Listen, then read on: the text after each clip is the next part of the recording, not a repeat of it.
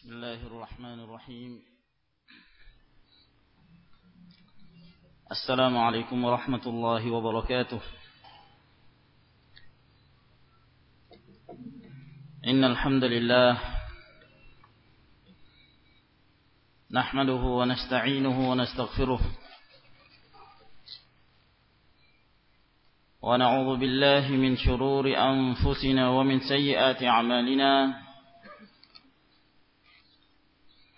من يهده الله فلا مضل له ومن يضلل فلا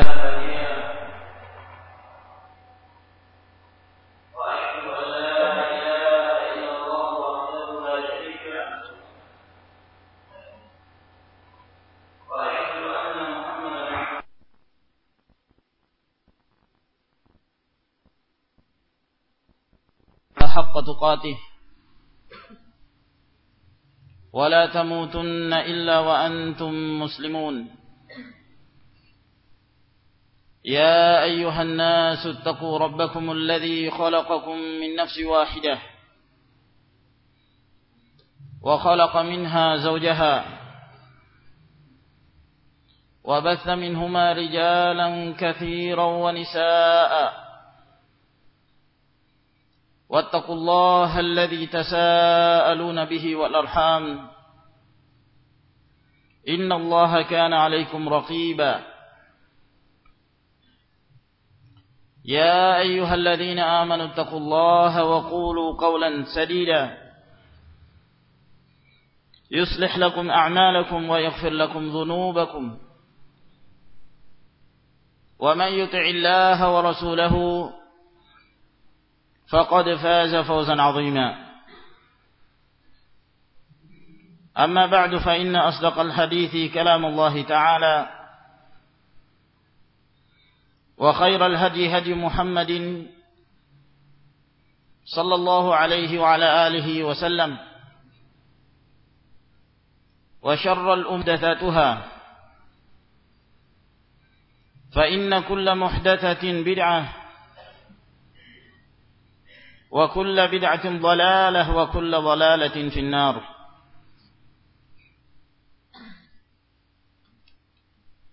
معاشر المسلمين أعزنا الله وإياكم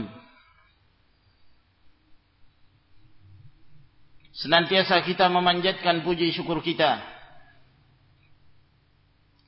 kepada Allah Rabbul Alamin yang senantiasa melimpahkan pada kita sekalian rahmat dan inayahnya yang telah memberikan kepada kita sekalian jalan-jalan kemudahan untuk berkumpul pada hari ini di salah satu dari rumah-rumah Allah Subhanahu wa taala yang disebutkan oleh Nabi sallallahu alaihi wa ala alihi wasallam sebagaimana yang diriwayatkan oleh Imam Muslim rahimahullahu taala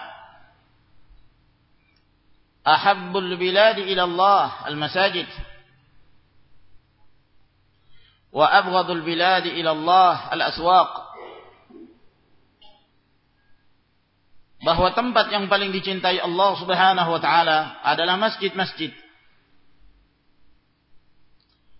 Dan tempat yang paling dibenci oleh Allah tabaraka wa taala adalah pasar-pasar. Sehingga kita berharap dengan kedatangan kita ke salah satu di antara tempat-tempat yang terbaik yang dicintai Allah Subhanahu wa taala ini. Dengan tujuan talabul ilm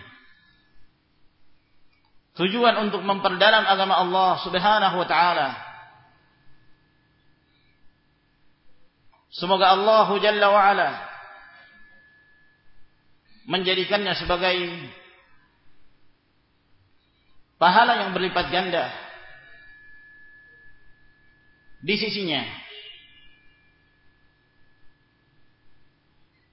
Oleh karena itu Rasulullah sallallahu alaihi wasallam yang menyebutkan kemuliaan mereka-mereka yang berjalan dari rumahnya yang keluar meninggalkan tempat tinggalnya. Menuju ke satu tempat dalam rangka talabul ilmi Di dalam hadis yang diriwayatkan oleh Imam Muslim. Dari hadis Abi Hurairah radhiyallahu taala Rasulullah sallallahu alaihi wa alihi wasallam bersabda Man salaka tariqan yaltamisu fihi ilman sahhala Allah lahu bihi tariqan ila al-jannah Barang siapa yang menempuh satu jalan dan dia menempuh jalan tersebut dalam rangka untuk menuntut ilmu mendapatkan ilmu yang bermanfaat maka Allah Jalla wa ala akan memudahkan baginya jalan menuju surga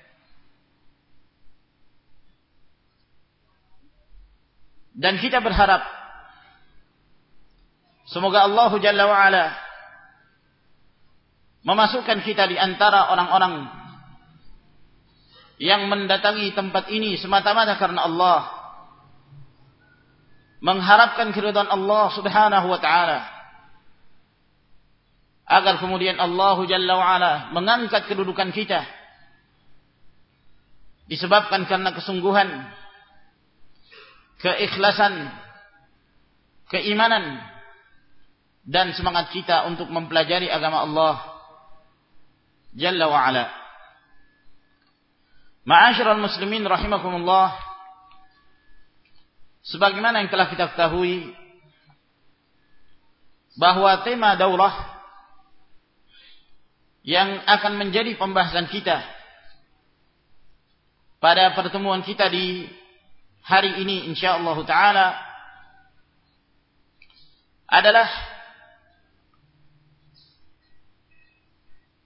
mengambil dari firman Allah Jalla wa ala yang disebutkan dalam surah At-Tahrim. Ya ayyuhalladzina amanu qu anfusakum wa ahlikum nara. وقودها الناس والحجارة عليها ملائكة غلاب شداد لا يعصون الله ما أمرهم ويفعلون ما يؤمرون Wahai orang-orang yang beriman hendaklah kalian memelihara diri-diri kalian dan keluarga kalian dari api neraka. Api neraka yang bahan bakarnya berasal dari manusia dan bebatuan. Yang di sana terdapat para malaikat yang keras, malaikat-malaikat yang kasar. Dan mereka tidaklah menyelisihi apa saja yang Allah Subhanahu wa taala perintahkan kepada mereka. Dan mereka senantiasa mengerjakan dan taat apa saja yang diperintahkan untuk mereka kerjakan. Maka di dalam hadis ini di dalam ayat Allah tabaraka wa taala ini Allah Subhanahu wa taala memerintahkan dan mengingatkan kepada hamba-hambanya agar hendaklah mereka senantiasa memelihara diri-diri mereka dan keluarga mereka dari siksaan Allah Jalla wa ala yaitu neraka jahanam neraka yang akan menyiksa orang-orang yang dilemparkan ke dalamnya dengan siksaan yang sangat pedih. Sebab tidak satupun dari kita yang mendapatkan jaminan selamat dari adab Allah Jalla wa'ala. Sehingga hendaklah ayat ini menimbulkan rasa takut pada diri diri kita. Lalu kemudian berusaha untuk mencari solusi. Bagaimana seorang hamba diselamatkan oleh Allah Jalla wa ala dari siksaannya dari nerakanya yang tidaklah seseorang dilemparkan ke dalamnya melainkan dia dalam keadaan terhinakan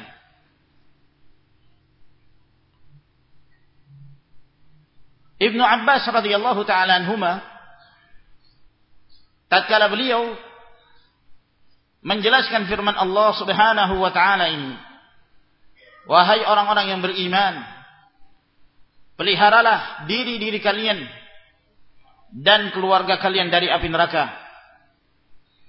Maka Ibnu Abbas radhiyallahu taala anhuma menjelaskan ay i'malu bi ta'atillah wattaqu ma'asi Allah wa muru ahlikum bidzikri yunjikumullahu minan nar beramallah kalian dengan melaksanakan ketaatan-ketaatan kepada Allah. Dan takutlah kalian untuk berbuat kemaksiatan-kemaksiatan. Dan perintahkanlah saudara dan keluarga-keluarga kalian untuk senantiasa berzikir maka Allah Subhanahu wa taala akan menyelamatkan kalian dari neraka. Demikian pula yang diriwayatkan dari Ali bin Abi Thalib radhiyallahu taala ketika beliau menafsirkan firman Allah Subhanahu wa taala ini beliau mengatakan ay allimuhum wa adibuhum bahwa makna dari firman Allah peliharalah diri-diri kalian dan keluarga kalian dari api neraka maknanya adalah ajarkanlah kepada mereka ilmu dan sampaikanlah kepada mereka adab-adab yang telah diajarkan oleh Allah Subhanahu wa taala dan rasulnya. Demikian pula yang diriwayatkan dari Qatadah Ibnu Di'amah As-Sadusi rahimahullahu taala ketika beliau menafsirkan firman Allah ini beliau mengatakan yaqihim ay ya'murahum bi ta'atillah وينهاهم عن معصيته وأن يقوم عليه بأمر الله ويأمرهم به ويساعدهم عليه فإذا رأيت لله معصية ردعتهم عنها وزجرتهم عنها kata Qatadah radhiyallahu ta'ala maknanya adalah hendaklah seseorang memelihara diri-diri mereka dan keluarga-keluarga mereka dengan cara memerintahkan mereka untuk taat kepada Allah melarang mereka dari berbuat maksiat kepadanya dan senantiasa menegakkan perintah Allah memerintahkan mereka dan membantu mereka untuk taat kepada Allah Subhanahu wa taala. Apabila engkau melihat ada kemaksiatan yang dilakukan di antara anggota keluarga maka hendaklah engkau cegah mereka dan engkau menghardik mereka agar kemudian mereka meninggalkan perbuatan kemaksiatan tersebut. Maka dari penafsiran para ulama ini menjelaskan kepada kita bahwa inti dari firman Allah Subhanahu wa taala, "Qu anfusakum wa nara."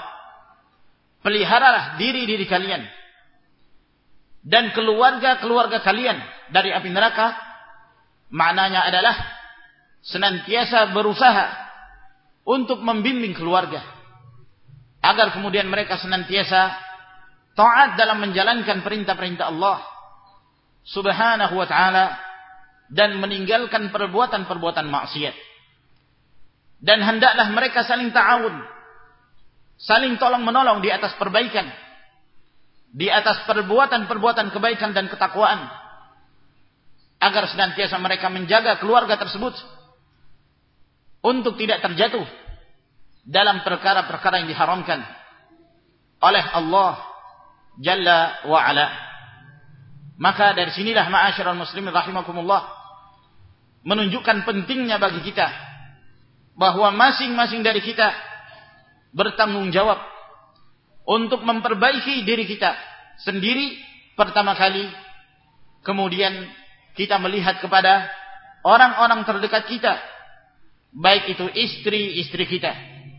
Demikian pula anak-anak kita, karib kerabat kita, agar kemudian mereka seluruhnya terselamatkan dari siksaan Allah Subhanahu wa taala. ketika Allah Subhanahu wa taala menurunkan firman-Nya kepada Rasulullah sallallahu alaihi wasallam wa anzir ashiratakal aqrabin berikanlah peringatan kepada kerabat-kerabatmu yang terdekat di dalam Sahihul Bukhari dan Muslim rahimahumallahu taala dari hadis Abu Hurairah. Beliau menjelaskan bahwa ketika Allah menurunkan ayatnya ini kepada Rasulullah sallallahu alaihi wasallam perintah kepada beliau untuk memberikan peringatan kepada kerabat-kerabatnya yang terdekat maka beliau pun mengumpulkan orang-orang Quraisy, mengumpulkan keluarga-keluarga beliau. Lalu setelah itu beliau pun berkhutbah di hadapan kaumnya. Dan beliau dengan suara yang lantang berkhutbah di hadapan kaumnya dan mengatakan, "Ya ma'syar Quraisy, ishtaru anfusakum la ughni 'ankum minallahi syai'a." Wahai sekalian kaum Quraisy, selamatkanlah diri-diri kalian dari api neraka. Aku tidak mampu memberikan manfaat kepada kalian sedikit pun. Ya Bani Abdi Manaf, ishtaru anfusakum la ughni ankum minallahi syai'a. Wahai kalian Banu Abdi Manaf, selamatkanlah diri-diri kalian dari siksaan Allah Jalla wa ala. Aku tidak mampu memberikan manfaat kepada kalian sedikit pun. Ya Abbas, amma Rasulullah sallallahu alaihi wasallam. Wahai Abbas pamannya Rasulullah, ishtari nafsak la ughni anka min Allah syai'a. Selamatkanlah dirimu, aku tidak mampu memberikan manfaat kepadamu sedikit pun. Ya Safiyatu ammat Rasulullah, ishtari nafsak la ughni anki min Allah syai'a. Wahai Safiyah, pamannya bibinya Rasulullah, hendaklah engkau beli dirimu sendiri agar terbebaskan dari api neraka. Aku tidak mampu memberikan manfaat padamu sedikit pun. Lalu kemudian Rasulullah sallallahu alaihi wasallam beliau mengatakan kepada anak beliau sendiri, Fatimah radhiyallahu taala anha, "Ya Fatimah binta Rasulillah, salini min mali ma syi'ti, la ughni 'anki min Allah syai'a." Wahai Fatimah, anaknya Rasulullah Apabila engkau hendak meminta hartaku, ambillah hartaku yang mana saja yang engkau inginkan. Adapun dalam masalah akhirah, saya tidak mampu memberikan manfaat kepada sedikit pun.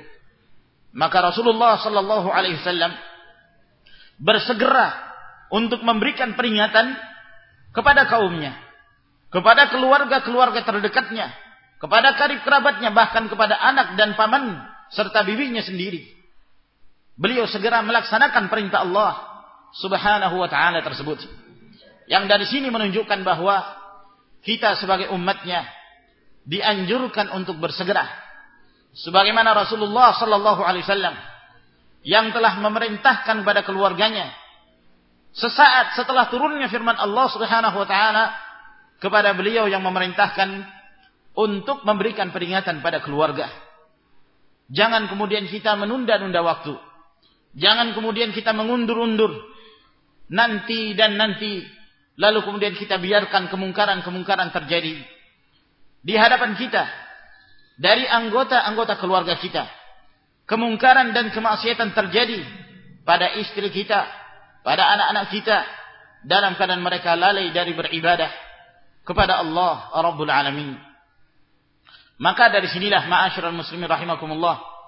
Semoga Ijtima' kita pada kesempatan hari ini dapat memberikan tambahan ilmu kepada kita sekalian. Lalu kemudian kita berusaha untuk menerapkannya mulai dari diri kita sendiri. Lalu kemudian kepada keluarga kita, kepada anak-anak kita, demikian pula istri-istri kita dan kalau memungkinkan kepada masyarakat kita. Ma'asyiral muslimin rahimakumullah.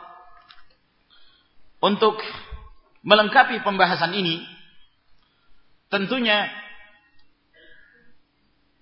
kita ingin membahas dimulai dari semenjak ketika seorang muslim akan menapaki jalan menuju kepada rumah tangga atau yang disebut dengan keluarga. Walaupun kita mengetahui bahwa di antara para hadirin ada yang telah berkeluarga dan di antara mereka juga ada yang belum berkeluarga yang tentunya ini akan menjadi tambahan ilmu bagi kita sekalian. Bahwa sebelum kita memasuki jenjang rumah tangga ada hal-hal yang harus kita perhatikan terlebih dahulu.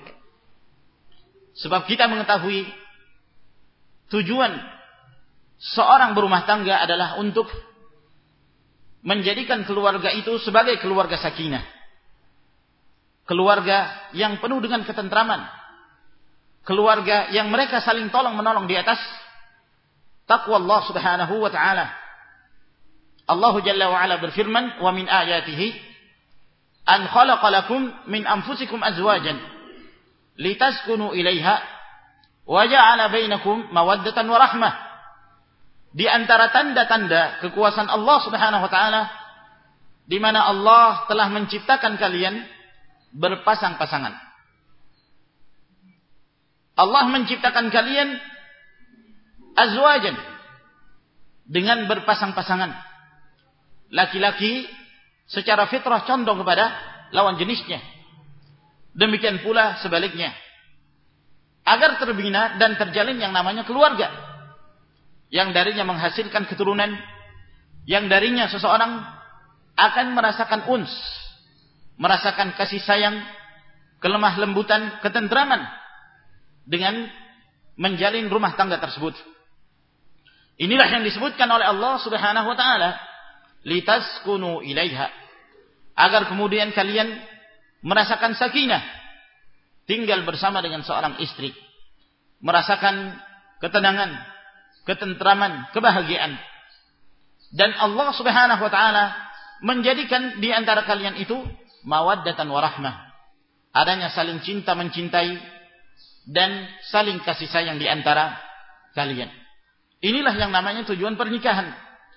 Sehingga setiap muslim tentunya sangat mengharapkan untuk membina sebuah keluarga yang disebut dengan keluarga as-sakinah yang mereka merasakan kebahagiaan itu bukan hanya di dunia namun Allah Subhanahu wa taala akan mengumpulkan mereka nanti di akhirat disebabkan karena mereka ketika di dunia saling bahu membahu tolong menolong di atas ketakwaan.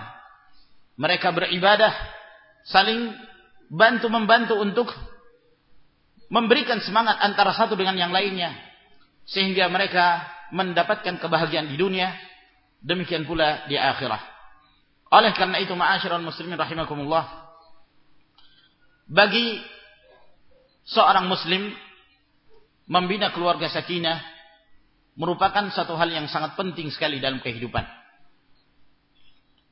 sehingga apabila seorang hendak memasuki jenjang rumah tangga tersebut maka ada hal-hal yang perlu untuk diperhatikan. Baik bagi seorang laki-laki, demikian pula bagi seorang wanita muslimah. Oleh karena itu kita mengatakan bahwa mungkin pembicaraan awal ini adalah merupakan bagian yang khusus bagi mereka yang belum memasuki jenjang rumah tangga. Adapun bagi yang telah berumah tangga, tinggal kita berusaha untuk merapikan dan berusaha untuk kemudian kita membangun agar kemudian kita bisa menghasilkan sebuah keluarga yang disebut dengan keluarga sakinah tersebut. Nah, ma'asyiral muslimin rahimakumullah, bagi seorang muslim demikian pula muslimah yang hendak menempuh jenjang yang disebut dengan keluarga hal yang pertama yang harus diperhatikan adalah memilah siapa yang akan menjadi pasangan hidupnya. Hendaklah dia perhatikan dengan siapa dia akan hidup. Dengan siapa dia akan berdampingan. Sebab kedekatan seseorang dengan pasangannya itu akan menyebabkan terjadinya tasyakul wa tajanus. Akan menyebabkan terjadinya keserupaan. Apabila laki-lakinya baik, maka wanitanya pun akan menjadi baik. Sebaliknya apabila laki-lakinya buruk, maka pasangannya tidak akan jauh dari keburukan tersebut. Apabila terjadi sebaliknya, laki-lakinya baik, wanitanya buruk. Atau kebalikan dari itu, lalu kemudian masing-masing mempertahankan dirinya. Yang satu tidak mau mengikuti yang lainnya, maka biasanya diakhiri dengan perceraian. Maka hal-hal yang seperti ini harus kita perhatikan terlebih dahulu. Oleh karena itu termasuk di antara yang dianjurkan oleh Rasulullah sallallahu alaihi wasallam sebelum memasuki jenjang rumah tangga adalah memilih pasangan yang baik yang salihah yang sekufu dalam hal keimanan dalam hal ketakwaan komitmen untuk menjalankan syariat Allah Subhanahu wa taala dalam keluarga di dalam sebuah hadis yang diriwayatkan oleh Al Imam Al Bukhari rahimahullah taala dari Sahal bin Sa'ad radhiyallahu taala anhu. Pernah ada seorang laki-laki lewat di hadapan Rasulullah sallallahu alaihi wasallam. Laki-laki ini terlihat memakai pakaian yang indah dan menunjukkan bahwa dia orang yang kaya. Lalu Rasulullah sallallahu alaihi wasallam mengatakan kepada para sahabatnya, "Ma taquluna fi hadha?" Apa pendapat kalian tentang laki-laki ini? Maka para sahabat menjawab, Hariyun in khatabah ayyunkah. Wa in syafa'a ayyushaffa' Wa in qala ayyustama' Orang ini sepantasnya kalau dia melamar seorang wanita tentu dia akan diterima. Kalau dia yang memberi syafaat tentu akan diberikan hak dia untuk memberikan syafaat. Dan apabila dia berbicara tentu orang-orang akan menyimak dan mendengarkan ucapannya. Menunjukkan bahwa laki-laki ini orang yang terpandang. Maka Rasulullah sallallahu alaihi wasallam diam mendengarkan komentar para sahabat itu. Lalu lewat lagi seseorang min fuqara'il muslimin. Orang ini orang fakir, miskin. Lalu Rasulullah sallallahu alaihi wasallam bertanya kepada para sahabat, "Ma taquluna fi hadha?" Apa pendapat kalian tentang laki-laki ini, orang miskin ini? Maka para sahabat menjawab, hariyun in khatabah alla yunkah. Wa in syafa'a alla yushaffa' wa in qala alla yustama'. Kata para sahabat, orang ini kalau dia melamar pasti ditolak. Tidak akan dinikahkan. Menunjukkan bahwa laki-laki ini tidak punya wibawa, miskin, ya, tidak punya kedudukan di kalangan masyarakat. Sehingga kalau dia berusaha untuk menjadi penengah, pemberi syafaat, tidak akan diterima. Dan kalau dia berbicara, mungkin orang-orang tidak akan mendengarkan pembicaraannya. Maka Rasulullah sallallahu alaihi wasallam menjelaskan tentang kedua keadaan laki-laki tersebut sambil mengisyaratkan kepada orang miskin yang tadi beliau mengatakan hadza khairun min mil'il ardi mithla hadza bahwa orang miskin ini jauh lebih baik sepenuh bumi dibandingkan laki-laki yang berwibawa sebelumnya kita melihat bahwa Rasulullah sallallahu alaihi wasallam tidak menjadikan harta kedudukan di kalangan masyarakat sebagai sesuatu yang dijadikan sebagai kufu.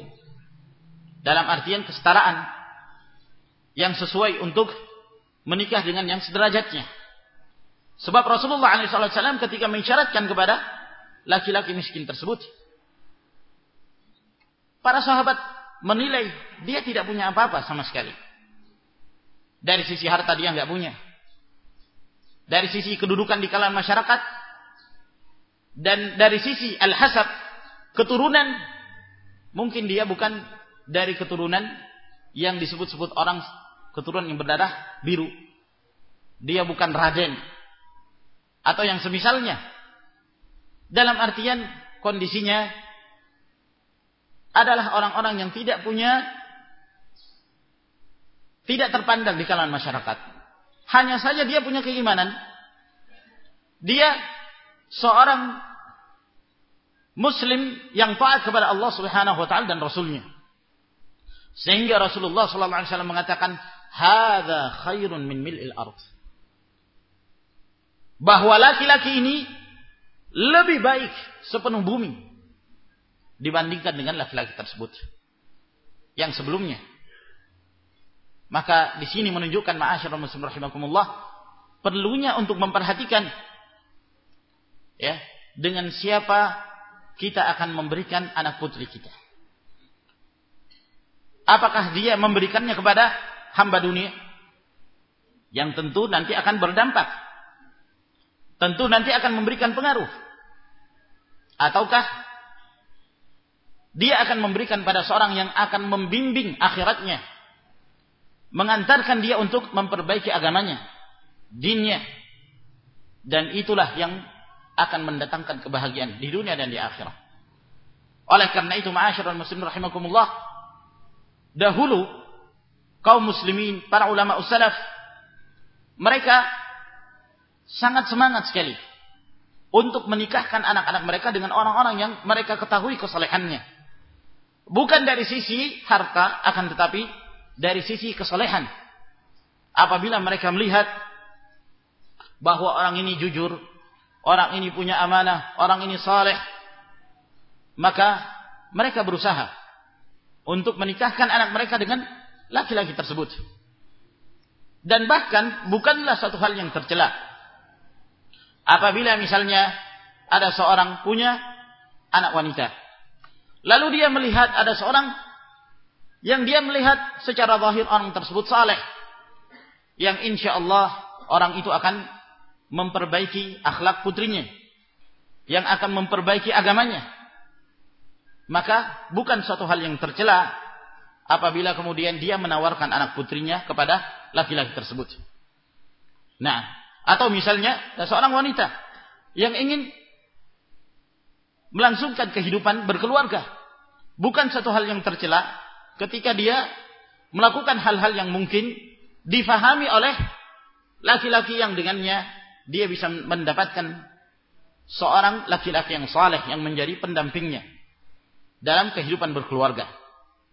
Inilah yang dilakukan oleh Khadijah bintu Khuwailid radhiyallahu taala anha, istri pertama Rasulullah sallallahu alaihi wasallam. Istri tercintanya Rasulullah alaihi salatu wasallam istri pertama dan Rasulullah alaihi salatu wassalam tidak menikah dengan wanita yang lain selama Khadijah bintu Khuwailid masih hidup pada waktu itu.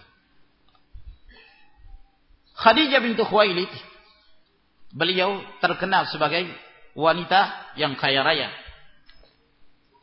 Wanita yang punya keturunan terhormat. Sehingga orang-orang mulia yang hidup pada zaman itu mereka semua berlomba-lomba untuk menikahkan anaknya dengan Khadijah bintu Khuwailid. Akan tetapi Khadijah bintu Khuwailid yang dikenal kejujurannya, kesalehannya, amanahnya, maka beliau tidak sembarang memilih calon pasangan hidup.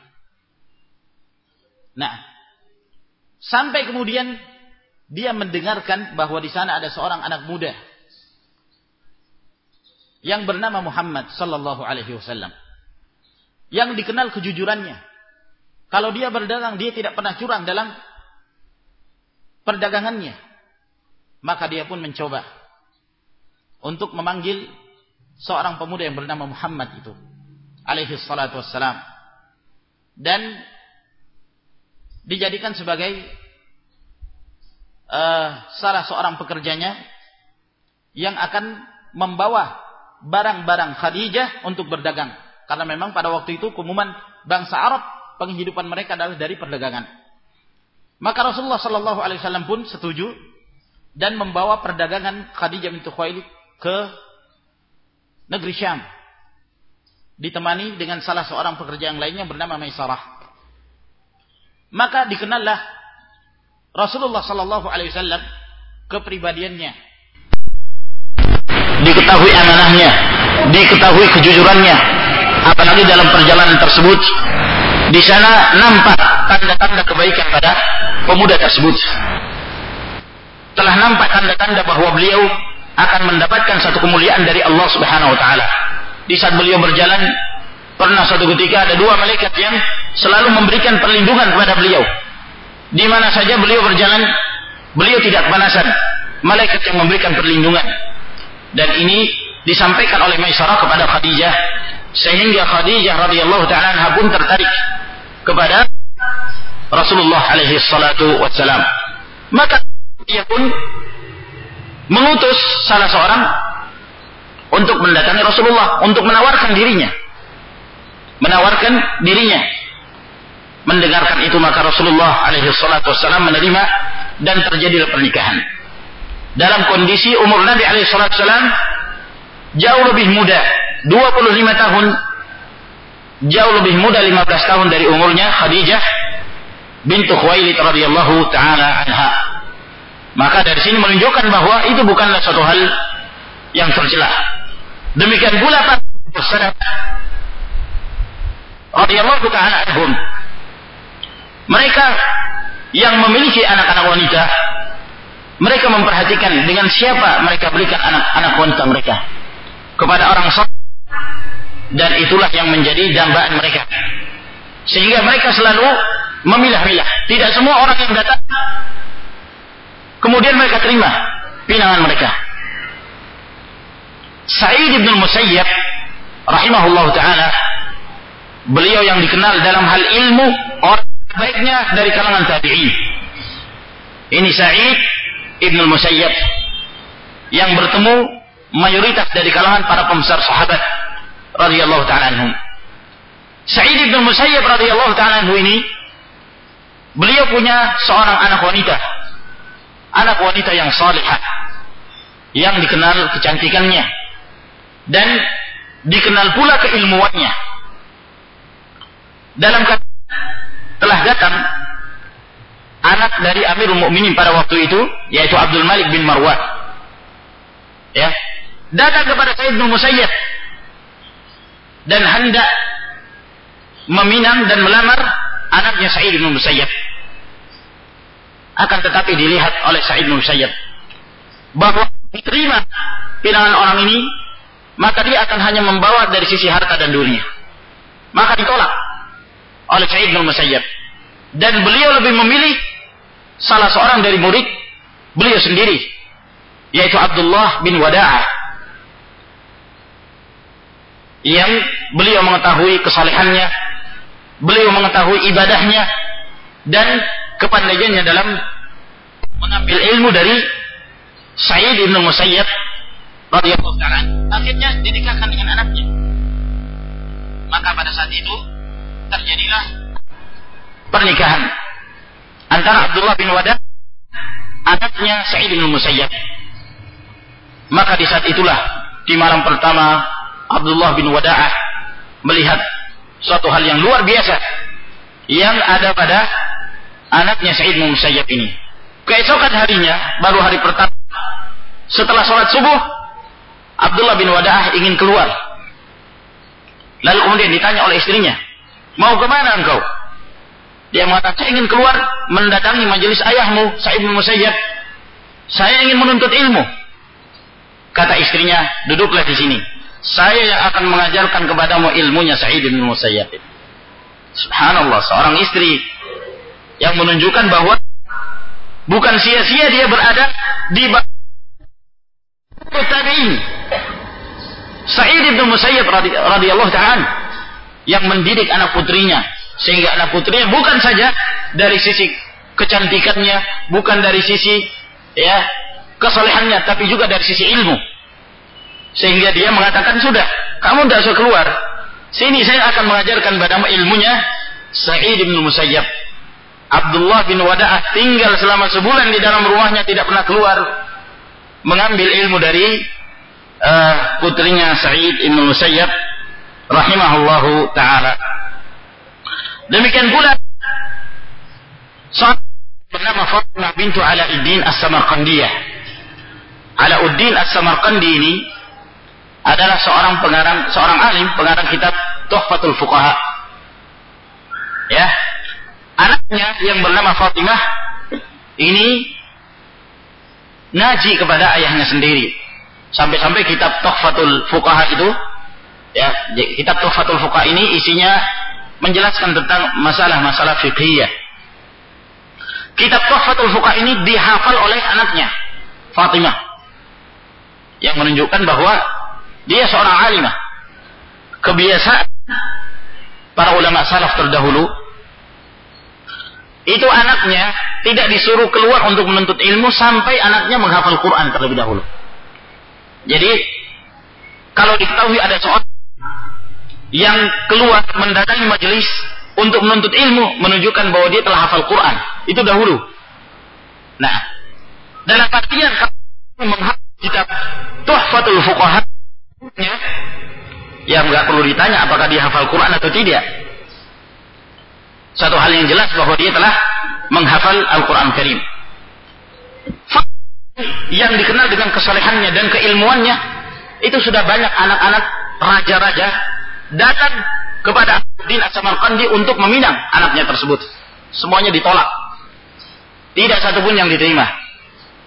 Nah, maka pada saat Din Al-Qatar yang menuntut ilmu kepada As-Samarqandi tadi sehingga dia menjadi seorang alim baik dalam ilmu usul maupun dalam ilmu furu' sampai dia mengarang sebuah kitab yang masyhur yang beliau beri judul Bada'i'u As-Sana'i. Kitab Bada'i'u As-Sana'i ini adalah syarh kitab Tuhfatul Fuqaha yang dikarang oleh mertuanya. Ya. Ya ini belum nikah maksudnya, belum nikah. Dia mensyarah kitab gurunya. Bada'i'u As-Sana'i. Serta dia mengarang maka diperlihatkan hasil karangannya tersebut kepada gurunya. Gurunya kagum-kagum melihat Alauddin Al-Kasani ini dengan keilmuannya. Akhirnya kitab ini pun dijadikan mahar untuk menikahi anak gurunya sendiri. Fatimah bintu Alauddin As-Samarkandiyah. Maka ini menunjukkan bahwa mereka dahulu benar-benar memperhatikan Siapa yang datang? Tidak semua. Ya. Jangan seperti orang kelaparan. Siapa yang datang semua diterima. Tidak memperhatikan kondisinya. Kadang-kadang juga ada yang memperhatikan dari sisi zahir. Ya, si fulan siapa? Kaya apa miskin? Kalau miskin ditolak mentah-mentah. Ya, Allahul musta'an. Yang paling pertama yang dilihat terlebih dahulu adalah kekayaan. Kerja di mana dia? Ah, perusahaan. Kalau perusahaan berarti menunjukkan dia kaya. Kalau tidak, Siapa ini yang datang? Santri. Nah, Allahul Musta'an. Akan ditolak mentah-mentah. Kamu akan ngasih makan apa nanti kepada anak saya? Paling seperti itu jawabannya. Allahul Musta'an. Maka ini ma'asyiral ikhwah rahimakumullah berbeda antara kehidupan salaf dengan kehidupan orang-orang terbelakang yang bergelimang dunia dan terpengaruh dengan kehidupan dunia. Allahul musta'an.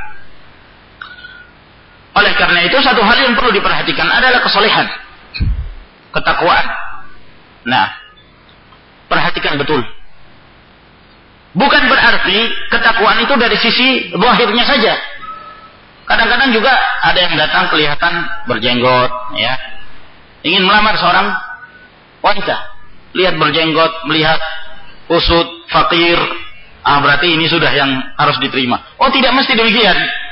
Kadang-kadang ada orang berpura-pura menjadi seorang yang demikian keadaannya setelah menikah kelihatan aslinya.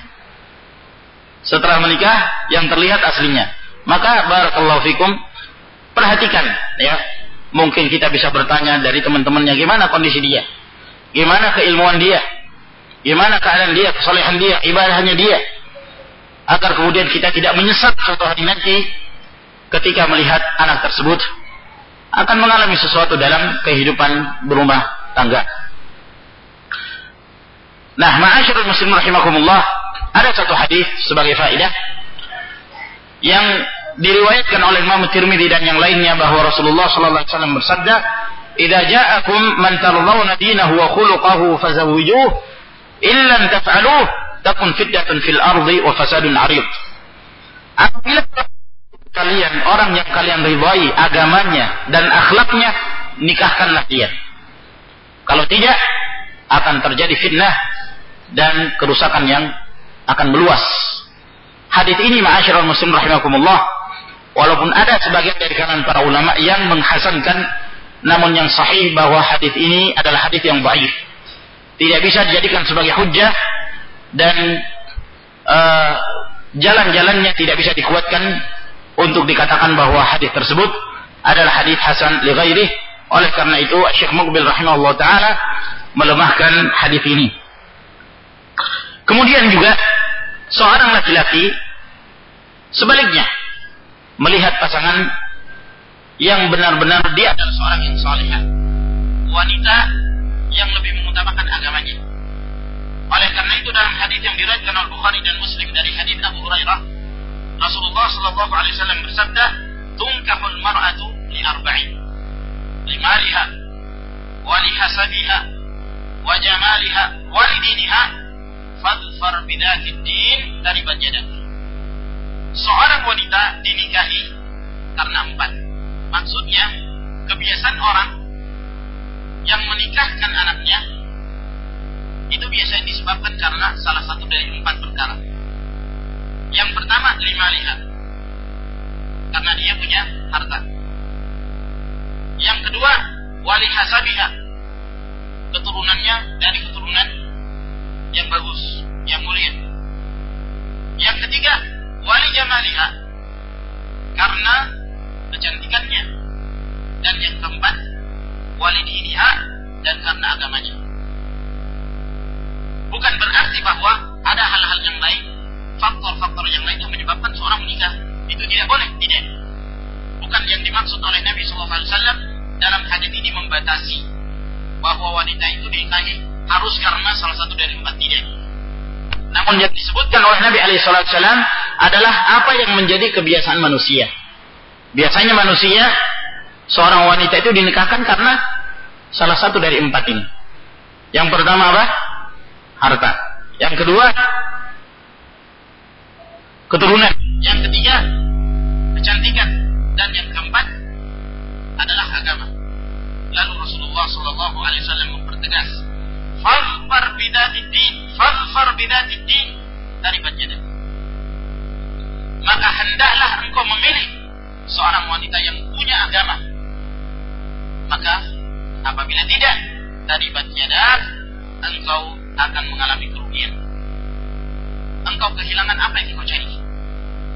Yang dimaksud oleh Nabi SAW, fadfar bidati itu diterjemahkan dalam riwayat yang lain. Dalam hadis Jabir, Nabi SAW mengatakan, fa'alaika bidati Hendaklah engkau memilih wanita yang punya agama. Yakni yang selayaknya bagi seorang laki-laki yang punya agama, yang mempertahankan harga dirinya. Hendaklah yang menjadi tujuan utamanya ketika dia hendak menikah dengan seorang wanita adalah agamanya. Pandang dulu dari sisi kesolehannya. Pandang dulu dari sisi agamanya. Apakah dia termasuk orang yang memelihara kesucian dirinya? Ini hendaklah yang menjadi tujuan utama bagi seorang laki-laki hendak memilih seorang wanita. Berkata Al-Qurtubi rahimahullah taala ketika menjelaskan hadis ini kata beliau makna al-hadis anna hadhihi al-khisal al-arba' hiya allati turghib fi nikah al-mar'ah la annahu waqa'a al-amru bidhalik bal zahiruhu ibahatun nikah liqasd kull min dhalik. Makna dari hadis ini bahwa keempat perkara yang disebutkan oleh Nabi SAW ini adalah perkara-perkara yang mendorong seseorang untuk seorang wanita bukan berarti bahwa setiap pernikahan harus terpenuhi empat ini. Bukan itu yang dimaksud. Ya. Namun secara zahir bahwa dibolehkan seseorang untuk menikah ketika empat ini ada misalnya ada seorang wanita keempat empatnya ada ya tentu ini yang utama babi hawa nikmat nah Tapi tidak semua tentunya kondisinya demikian. Lakinna qasdad dini awla. Akan tetapi kata beliau yang dituju adalah agamanya ini adalah satu hal yang utama. Wala yudhannu anna hadhihi al-arba' tukhadhu minha al-kafa'ah ay tanhasiru fiha. Dan tidaklah disangka dari hadis ini bahwa keempat-empat ini adalah harus terpenuhi. Oh tidak demikian. Kalau seorang tidak punya keturunan yang berdarah biru misalnya, nah ini tidak boleh menikah dengan yang punya keturunan darah biru. Ya, karena nanti kalau darahnya bercampur biru dengan merah, uh, berubah nanti warnanya. Allahul Musta'an. Alawi mengharamkan menikah dengan yang bukan Alawi. Alawi itu mereka-mereka yang berasal dari keturunan Rasul Sallallahu Alaihi Wasallam. Tidak mau menikahkan anaknya kalau laki-lakinya itu bukan dari kalangan Alawiyin pula yang punya keturunan Rasulullah SAW. Hal-hal yang seperti ini tidak dipandang. Namun yang termulia adalah permasalahan agama seseorang. Al-Imam Nawawi rahimahullah taala dalam syarah Muslim ketika menjelaskan hadis Nabi sallallahu alaihi wasallam ini beliau mengatakan wa fi hadzal hadits al-haddu ala musahabati ahli din fi kulli syai' di dalam hadis ini anjuran untuk menemani setiap orang yang punya agama dalam segala sesuatu. Lianna sahibahum yastafidu min akhlaqihim wa barakatihim wa husni tara'iqihim wa ya'manu al-mafsada min jihatihim. Sebab apabila orang yang memiliki agama itu ya lalu kemudian ada seorang suka berteman dengan orang punya agama maka dia mendapatkan faedah dari akhlaknya dari barokahnya dari kebaikan agamanya dia dan dia akan selamat dari kerusakan-kerusakan. Maka ini pentingnya seorang untuk memelihara dan orang yang akan menjadi pasangan dan pendamping terdekatnya adalah istrinya. Ya, yang selalu bersama dia. Tentu itu akan memberikan pengaruh. Maka hendaklah seorang memilih yang terbaik yang menjadi tujuan utamanya adalah perkara agamanya. As-Sindi rahimahullah taala beliau juga ketika menjelaskan hadis ini beliau mengatakan ay utlubha hatta tafuza biha. Hendaklah engkau mencari seorang wanita yang punya agama agar engkau mendapatkan kemenangan dengan mendapat dengan memperolehnya.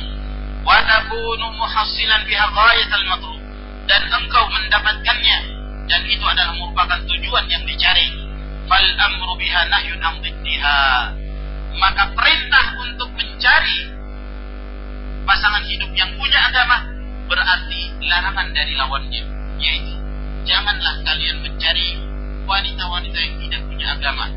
Dari para penzina dari wanita-wanita yang dikhawatirkan mereka itu telah tercemar dengan kondisi dunia dan gemerlapannya maka ma'asyiral muslimin rahimakumullah dari hadis ini menunjukkan bahwa Rasulullah Sallallahu Alaihi Wasallam senantiasa menganjurkan kepada umatnya.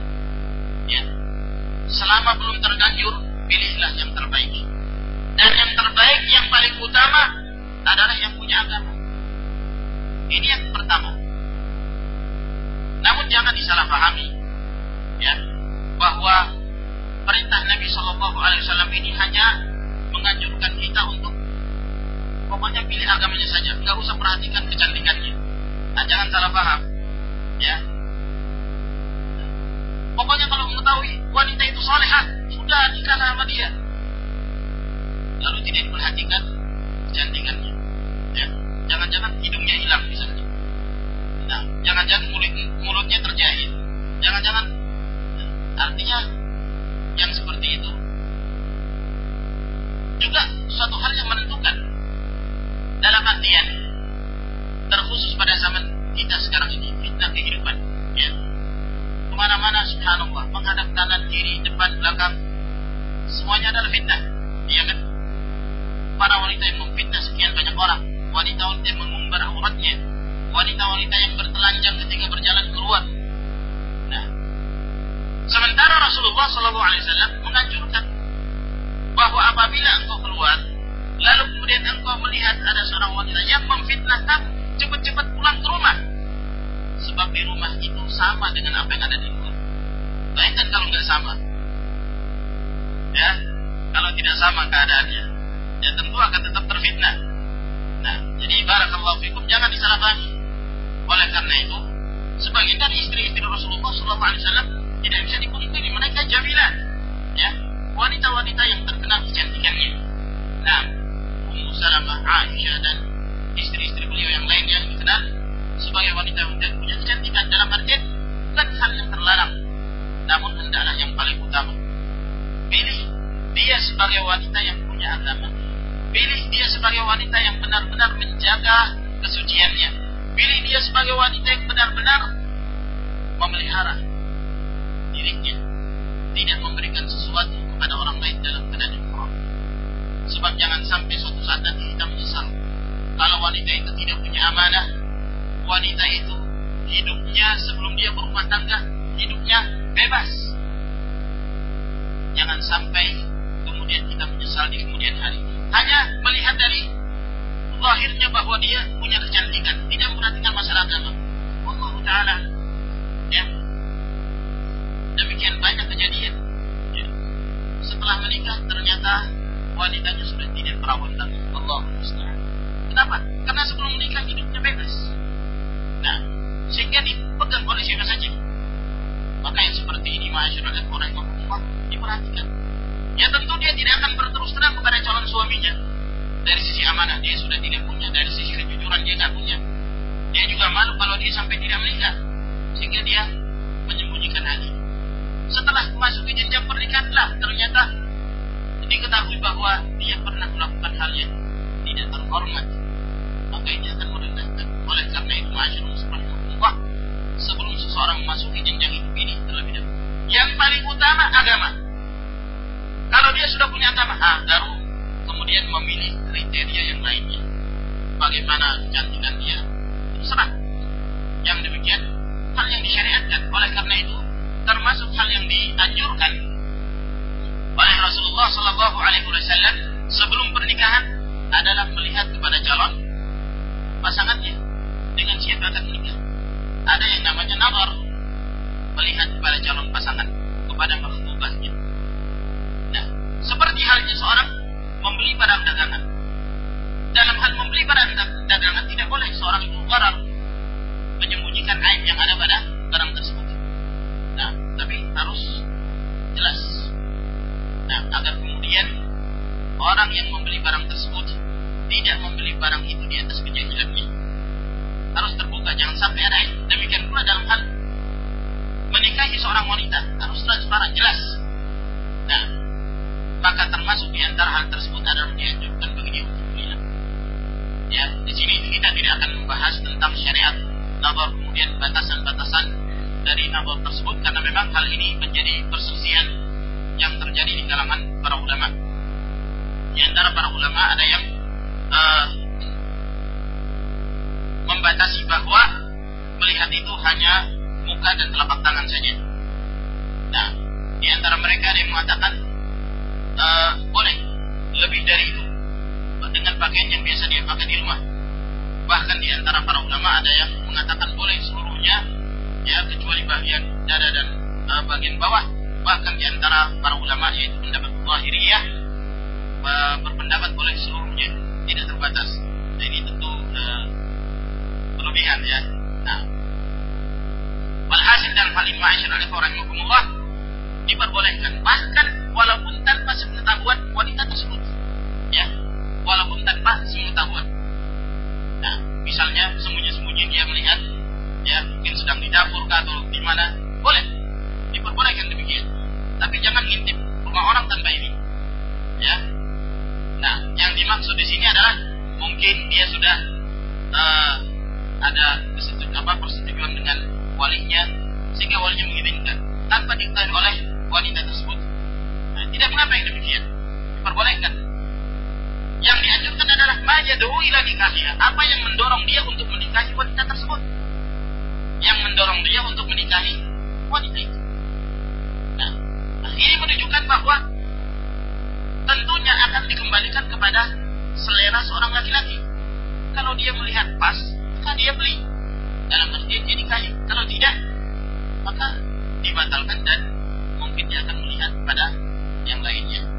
Sehingga ini ma'asyarul rahimahullah berkenaan tentang masalah tabab tersebut yang faedahnya adalah untuk melihat calon pasangan apakah sesuai atau tidak. Melihat kecantikan dia, kecocokan dia. Dan biasanya selera laki-laki itu kan berbeda antara satu dengan yang lain. Yang artinya kembali pada kesimpulan apakah dia cocok dengan wanita ini. Nah, mungkin misalnya dia mengatakan, nah, pokoknya agamanya saja. Saya tidak perlu melihat, saya sudah percaya 100%. Ini menyelisih sunnah Rasul Sallallahu Alaihi Wasallam.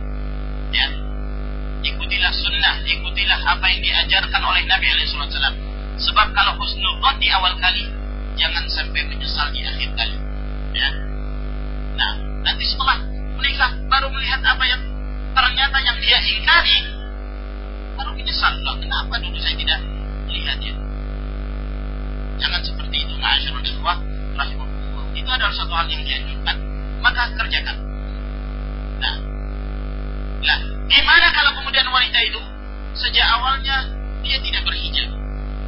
Apa yang harus dinapor? Ya sudah terlihat terlebih dahulu.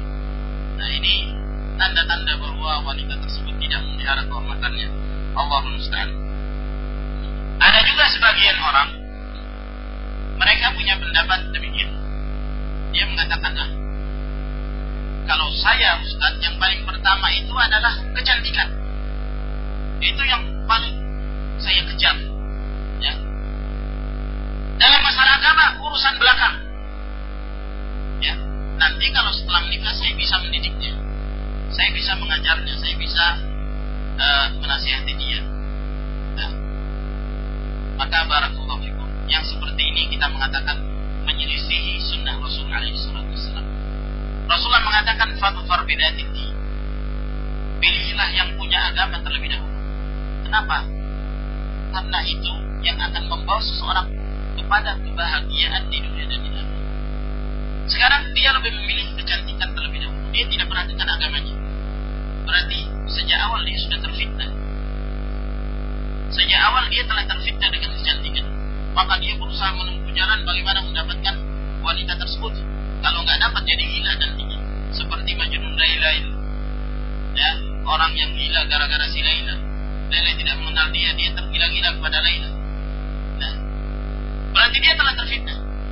Nah, anggaplah dia berhasil mendapatkannya dengan segala kemampuan yang dia kerahkan, akhirnya dia berhasil menikah dengan wanita yang dia melihat bahwa wanita itu cantik, tapi tidak punya agama.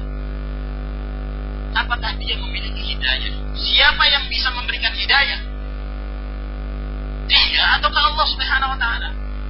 Anta di mana Allah? Apakah engkau mampu memberikan hidayah orang yang telah Allah Subhanahu wa taala sesatkan? saya akan memperbaiki. Iya kalau dia bisa menjadi baik. Kalau dia yang memfitnah kamu.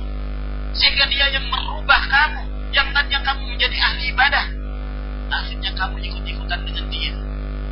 Nah, anggaplah wanitanya dia termasuk penyanyi ya, misalnya atau pemain sinetron. Nah, ya, contoh misal, walaupun dalam sinetron berperan sebagai pembantu,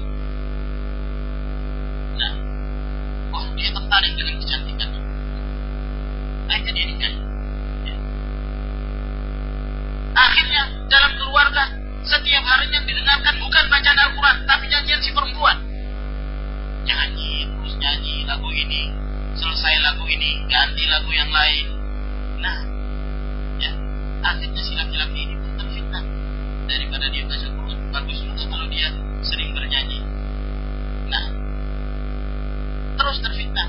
Akhirnya setelah mendengarkan suara istrinya, mendengarkan suara wanita yang lain. Bukan hanya dengan mendengarkan suara, musiknya juga didengarkan. Akhirnya keasyikan. Setelah itu ibadahnya pun ditinggalkan oleh Allah. Tidak sedikit orang seperti ini keadaannya. Ma'asyarul muslim Lihat keadaan para binatang-binatang film itu. Ya. Nikah. Tak berapa lama, Ya. Ada yang nikah, cair lagi Padahal mungkin kalau dilihat dari sisi kecantikan kurang apa mereka itu. Tapi subhanallah, masalah-masalah hati, ketenangan hati, itu madinatul qulub. Itu yang mereka tidak punya. Nah, nah ini masyarakat Allah harus kita perhatikan. Ya, tautiyah pijakan yang pertama, pilih yang salih. Jangan menganggap bahwa kita akan bisa mendidik mereka setelah memasuki jenjang rumah tangga. Iya kalau bisa mendidik, kalau tidak, bahaya kita yang dididik oleh mereka. Oleh karena itu, ya, seperti Imran bin Hattan, dia seorang yang hidup di kalangan tabi. Dia seorang yang berpemikiran khawarij. Ya, tulen. Sebelumnya, sebelum menikah, dia seorang ahlus sunnah. Tapi dia telah terfitnah dengan seorang wanita. Wanita ini berpemikiran khawarij. Sangat benci kepada Ali bin Abi Thalib radhiyallahu taala. Sangat benci kepada para sahabat, benci kepada Muawiyah radhiyallahu taala. Tapi Ibran bin Hittan telah terfitnah dengan wanita tersebut. Ya. Maka teman-teman yang nasihat ini jangan kamu menikah dengan dia, jangan khawatir kamu yang terfitnah nantinya. Tapi ya kalau sudah terfitnah, akhirnya dia pun menikah dengan wanita. Tidak berapa lama kemudian dia menjadi pentolan khawarij. Terfitnah dengan wanita itu, terfitnah dengan istrinya. Ya. Abdurrahman bin Muljam. Abdurrahman bin Muljam ini dahulu Abdurrahman bin Muljam ini yang membunuh Ali bin Abi Thalib radhiyallahu taala. Dahulu dia seorang ahli sunnah, terkenal ibadah. Nah, namun dia mulai terpengaruh dengan pemikiran Khawarij dan semakin besar keinginannya untuk membunuh Ali bin Abi Thalib radhiyallahu taala setelah menikah dengan seorang wanita yang juga berpemikiran yang sama. Ya, dia terfitnah dengan wanita tersebut. Wanita ini mengatakan, kalau kamu mau menikah dengan boleh, tapi dengan syarat kamu harus membunuh Ali bin Abi Thalib. Maka dia penuhi persyaratan sehingga terjadilah akad nikah dan itu menjadi syaratnya. Maka dia pun melakukan persiapan setelah menikah dan dia berhasil membunuh Ali radhiyallahu taala. Itu bahayanya. Nah, sehingga ma'asyurul rahimahullah hal ini juga perlu diperhatikan. Di samping itu, ya, melihat wanita tersebut jangan sampai wanita ini yang dia mengatakan ya, yang penting saya menikahi karena kecantikannya masalah nanti perhatikan apakah dia seorang wanita berzina. Nah, jangan sampai dia wanita yang pernah berzina, yang senang dengan perzinahan. Nah, di sini kembali kepada khilaf yang terjadi di kalangan para ulama tentang hukum seorang laki-laki yang terhormat menikahi seorang wanita berzina apa hukumnya? Terjadi perselisihan di kalangan para ulama, walaupun jumhur para ulama membolehkan hal tersebut, apabila wanita itu yang dahulunya dia berzina dan kemudian dia bertobat kepada Allah Subhanahu wa taala. Allah Jalla wa ala berfirman dalam surah An-Nur, "Az-zani la yankihu illa zaniyatan aw musyrikan." Wa zaniyatu la yankihuha illa zanin aw musyrik wa hurrima dhalika 'ala al-mu'minin. Seorang laki-laki penzina tidak boleh menikah kecuali kepada wanita penzina yang lainnya ataukah wanita musyrikah. Demikian pula wanita musyrikah tidaklah yang menikahinya kecuali laki-laki penzina ataukah musyrik. Dan diharamkan hal tersebut pada kaum mukminin. Dalil ini dijadikan hujah oleh sebagian para ulama. Di antaranya Imam Ahmad bin Hanbal rahimahullah taala bahwa tidak sah pernikahan seorang laki-laki yang terhormat ketika dia menikah dengan seorang wanita penzina. Selama dia dalam kondisi melakukan perzinaannya tersebut sampai wanita itu bertobat kepada Allah Subhanahu wa taala. Apabila dia bertobat, maka akadnya sah. Namun kalau tidak, maka beliau mengatakan tidak sah akad nikah tersebut. Oleh karena itu Allah Subhanahu wa taala berfirman, "Wa hurrima dzalika 'alal mu'minin" dan diharamkan hal tersebut kepada kaum mukminin. Demikian pula berdasarkan hadis yang diriwayatkan oleh Imam Ahmad Al-Baihaqi, Al-Imam Al-Hakim dari hadis Abdullah bin Amr radhiyallahu taala anhu bahwa pada zaman Rasul sallallahu alaihi wasallam pernah ada seorang laki-laki datang kepada beliau dan meminta izin untuk menikahi seorang wanita yang bernama Ummu Mahzul yang Ummu Mahzul ini dikenal sebagai seorang penzina. Lalu ketika Ummu Mahzul ini datangi maka Ummu Mahzul ini menyetujui pernikahan tersebut dengan syarat bahwa Ummu Mahzul yang menik apa yang menafkahi suaminya. Karena dia penzina. Dia bisa mencari uang. Lalu kemudian dia pun datang dan meminta izin kepada Rasulullah SAW. Maka Rasulullah membacakan kepadanya firman Allah Subhanahu wa taala ini, "Wa hurrima dzalika 'ala al-mu'minin." Dan diharamkan hal tersebut kepada kaum mukminin. Demikian pula hadis yang diriwayatkan oleh Imam Tirmidzi, Abu Dawud dan Nasai, Al-Baihaqi dari hadis Amr bin Shu'aib dari ayahnya dari kakeknya bahwa Mardad bin Abi Mardad Al-Ghanawi beliau pernah membawa para tawanan ke Makkah. Lalu kemudian di Mekah itu pernah ada seorang wanita pelacur yang bernama Anaq dan anak ini termasuk sahabat kentalnya si Mardad ini. Lalu kemudian kata Mardad, aku pun datang kepada Nabi Sallallahu Alaihi Wasallam yang mengatakan, Ya Rasulullah, bagaimana pendapatmu? Apakah boleh aku menikahi si anak itu? Anak, ya. Namanya, maka Rasulullah SAW diam sehingga turun firman Allah Subhanahu wa taala wa hurrima dzalika 'alal mu'minin diharamkan hal tersebut kepada kaum mukminin Lalu kemudian Rasulullah membacakan padanya dan beliau mengatakan, La tangkihha, janganlah kamu menikahinya. Oleh karena itu, ma'asyiral ikhwah rahimahumullah,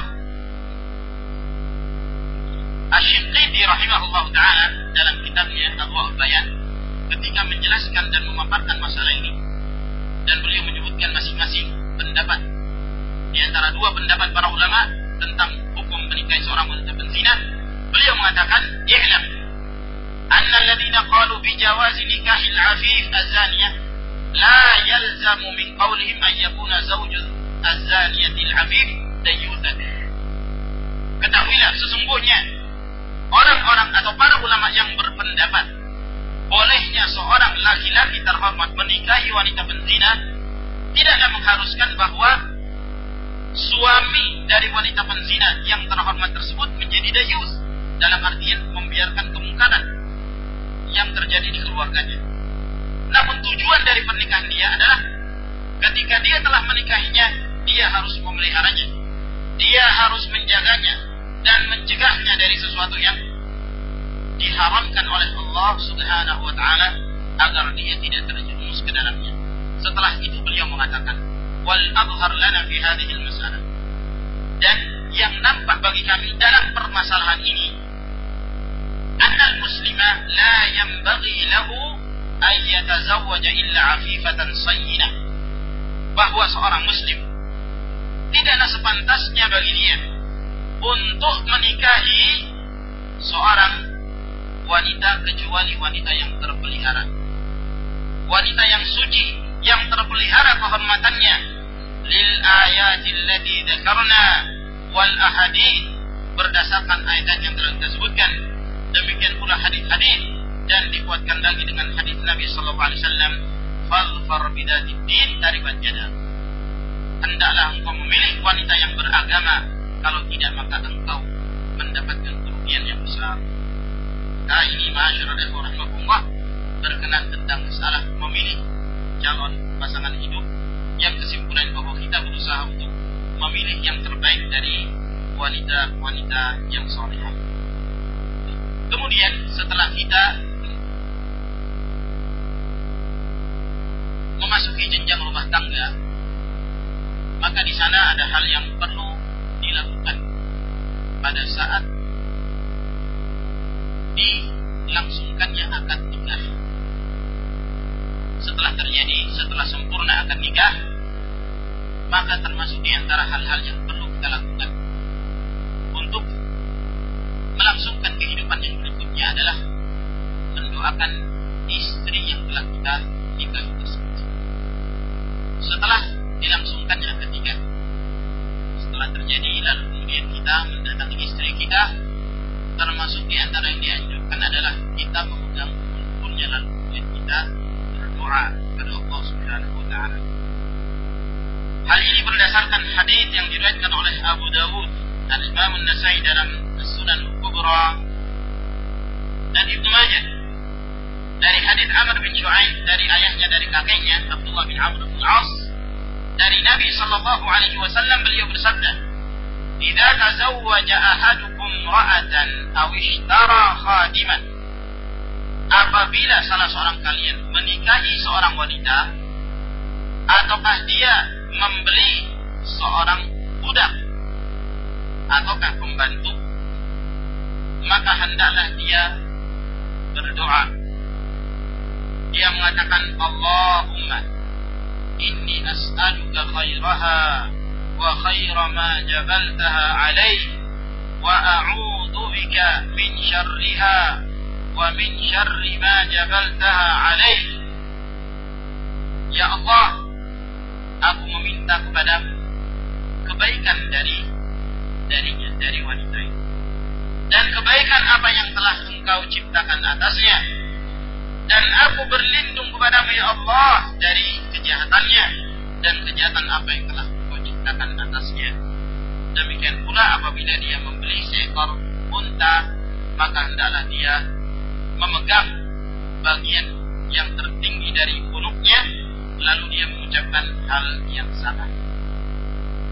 Dalam riwayat Abu Daud, ya, ditambahkan oleh Abu Sa'id thumma ya'khudh min asiyatiha wal yadu bil barakah bil mar'at wal khadib kemudian dia memegang ya nafsinya apa namanya? Memegang ubun-ubunnya. Lalu kemudian dia mendoakan barakah terhadap istrinya tersebut ataukah pada seorang budak nah ini doa yang dianjurkan bagi seorang laki-laki yang telah sempurna ketikanya hendaklah dia yang pertama kali dia mendatangi istrinya lalu mendoakannya dengan doa tersebut. Al-Imam Syaukani rahimahullah taala dalam Nailul Awqar ketika menyebutkan hadis ini beliau mengatakan fihi di dalam hadis ini terdapat dalil istihbab doa bima tadammanahu al-hadis inda tazawuj al-mar'ah wa milk al-khadim wa dabbah di dalam hadis ini terdapat anjuran untuk mendoakan. Sebagaimana disebutkan dalam hadis ketika menikahi seorang wanita. Dan ketika memiliki pembantu atau budak. Dan ketika membeli kendaraan. Dan ini adalah merupakan doa yang jami' yang bersifat menyeluruh. Li'annahu idza laqiya al-insanu al-khaira min zawjatihi aw khadimihi aw dabatihi wa junniba asy-syarra min tilka al-umur kana fi dhalika jalbun naf'i wa indifa'u ad-darar. Sebab apabila seseorang bertemu dengan kebaikan dari istrinya ataukah dari pembantunya ataukah dari kendaraan ya yang dia kendarai lalu dijauhkan kejahatan dari hal-hal tersebut maka itu akan mendatangkan manfaat dan dapat menolak dari kemudaratan. Itu disebutkan dalam kitab Nail Autar jadi 6 halaman 339 kemudian setelah itu setelah akad nikah tentu suatu hal yang ditunggu-tunggu oleh masing-masing dari kedua mempelai tersebut. Ya, ini bukan acara pernikahan ya, tapi ini daurah. Nah, bahwa setelah terjadi pernikahan tentu mereka semua yang masing-masing dari kedua pasangan menunggu pertemuan di antara keduanya. Maka di sini juga hendaklah seseorang memperhatikan. Karena itu termasuk hal yang menentukan masa depan. Hal yang akan memperbaiki kondisi keluarga di masa yang akan datang. Jangan yang difikirkan itu hanya nikmatnya saja. Namun di sana ada hal-hal yang diajarkan oleh Nabi Alaihissalam, yaitu ketika mendatangi keluarga, ketika mendatangi istri. Ini diajarkan oleh Nabi Shallallahu Alaihi Wasallam dalam riwayat Bukhari dan Muslim dari hadis Abdullah bin Abbas radhiyallahu taala bahwa Rasulullah sallallahu alaihi wasallam bersabda "Lau anna ahadahum idza arada an ya'tiya ahlahu qala. Bahwa salah seorang dari mereka apabila hendak mendatangi istrinya maka hendaklah dia mengatakan Bismillah Allahumma jannibna syaitan jannibi syaitan ma razaqtana singkat. Tapi banyak juga orang tidak menghafal doa ini padahal ini doa yang sangat penting sekali yang akan menentukan masa depan.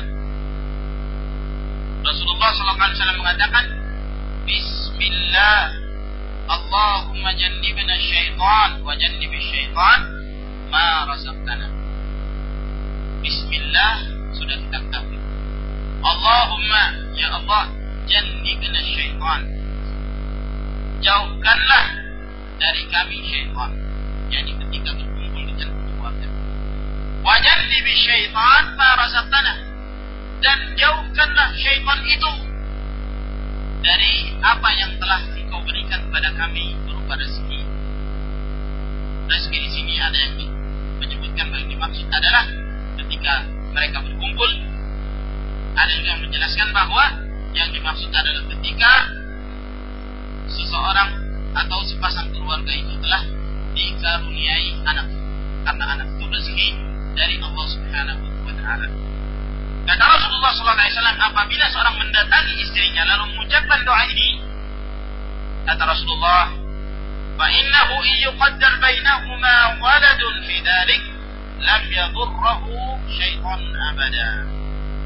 Karena sesungguhnya apabila ditakdirkan dari hasil hubungan keduanya ditakdirkan dia mendapatkan rezeki berupa anak dari pertemuan itu maka syaitan tidak akan mampu memudaratkan dia selama-lamanya. Syaitan tidak akan mampu memudaratkan dia selama-lamanya. Apa yang dimaksud? Syaitan tidak mampu memudaratkan dia. Para ulama mengatakan sepakat mereka bahwa hadis ini tidak menunjukkan bahwa anak itu ketika tumbuh menjadi anak yang maksum yang tidak pernah salah. Ini tentu tidak. Karena yang namanya, namanya manusia, ia tentu akan jatuh dalam kesalahan-kesalahan sebagaimana dikatakan oleh Nabi sallallahu alaihi wasallam kullu bani adam khata wa khairu al khata'in setiap manusia itu suka bersalah namun yang terbaik dari orang yang bersalah adalah yang senantiasa bertobat kepada Allah subhanahu wa ta'ala. Namun yang dimaksud oleh Nabi sallallahu alaihi wasallam ini ya lam yadurrahu syaitan abada. Syaitan tidak akan mampu memudaratkan dia selama-lamanya. Yang dimaksud adalah syaitan itu tidak akan mampu menjerumuskan anak ini kepada kekufuran yang mengeluarkan dia dari Islam yang menyebabkan dia murtad dari Islam itu tidak akan mampu atau yang dimaksud adalah seperti yang telah dijanjikan oleh iblis. Ketika dia berjanji di hadapan Allah la'ughwiyannahum ajma'in. Maka demi kemuliaanmu ya Allah akan aku sesatkan mereka-mereka itu semua. Illa ibadaka minhumul kecuali hamba-hambamu yang senantiasa ikhlas lalu kemudian di antara hamba-hamba tersebut ada yang Allah Subhanahu wa taala lindungi Inna ibadi laysa sultan. Sesungguhnya di antara hamba-hambaku ada yang engkau tidak punya kekuasaan untuk menggoda mereka. Nah, seorang anak yang lahir disebabkan karena hubungan kedua orang tua, lalu kemudian mereka mengucapkan doa ini pada saat dia mendatangi keluarganya, maka hasilnya anak ini senantiasa dilindungi oleh Allah Subhanahu wa sehingga dia tidak terjatuh dalam jeratan syaitan.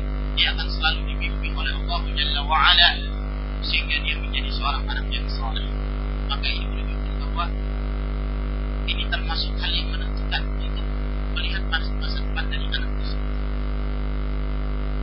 Maka jangan sampai seorang ketika mendatangi istri selalu ingat kepada Allah, ikhlas dalam berdoa kepada Allah Subhanahu wa taala agar kemudian anak yang Allah Subhanahu wa taala berikan pada keluarga tersebut menjadi anak yang saleh yang tidak terfitnah oleh syaitan untuk dijerumuskan pada kekufuran. Kemudian setelah itu ikhwah rahimahullah setelah keluarga. Sebagaimana kita sebutkan tadi tujuannya adalah untuk membina keluarga sakinah maka termasuk di antara hal yang terpenting dalam sebuah keluarga yang keluarga itu adalah merupakan sebuah perkumpulan kecil. Contoh kecil dari sebuah masyarakat. Nah dari satu masyarakat tersebut tentu dibutuhkan ada seorang yang akan mengatur kehidupan mereka. Yang menjadi pemimpin mereka. Yang bertanggung jawab terhadap apa-apa yang mereka lakukan. Kalau Rasulullah Shallallahu Alaihi Wasallam saja memerintahkan kepada tiga orang apabila tiga orang melakukan perjalanan safar kata Nabi Shallallahu Alaihi Wasallam hendaklah mereka mengangkat menjadi amir salah seorang dari ini dalam perjalanan safar diperintahkan oleh Rasulullah SAW salah satu dari mereka menjadi pemimpin safar yang nantinya dalam perkara-perkara yang diperselisihkan dia yang ditaati untuk apa? Apa hikmahnya? Agar kemudian menghindari perselisihan. Kata Nabi SAW pada dua sahabat yang akan melakukan perjalanan, tawa'a wa la Hendaklah kalian selalu akur kalau dalam perjalanan. Jangan kalian suka berselisih. Ya. Sebab seorang kalau sudah melakukan perjalanan safar, itu terlihat karakter-karakter mereka. Sehingga tidak sedikit terjadi yang namanya percekcokan. Bayangkan kalau tidak ada pemimpin yang akan didengarkan ucapannya. Ya, mungkin terjadi perkelahian, mungkin terjadi lebih dari itu. Maka Rasulullah SAW menganjurkan adanya pemimpin dalam safar. Padahal yang namanya perjalanan safar itu tidak berapa lama. Ya, beberapa hari mereka menempuh perjalanan setelah itu sampai ke tempat tujuan selesai. Nah.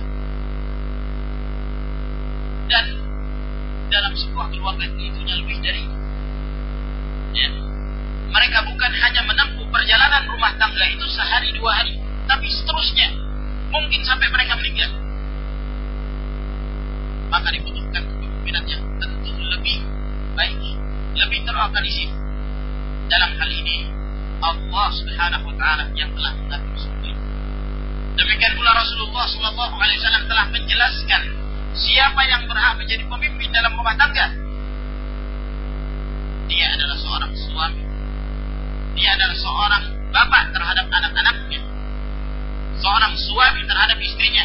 Maka dialah yang berhak untuk menjadi pemimpin dalam takwa Allah Subhanahu wa taala di dalam surah An-Nisa ayat 34 berfirman, "Ar-rijalu qawwamuna 'ala an-nisa bima faddala Allah ba'dhum 'ala ba'dhin wa bima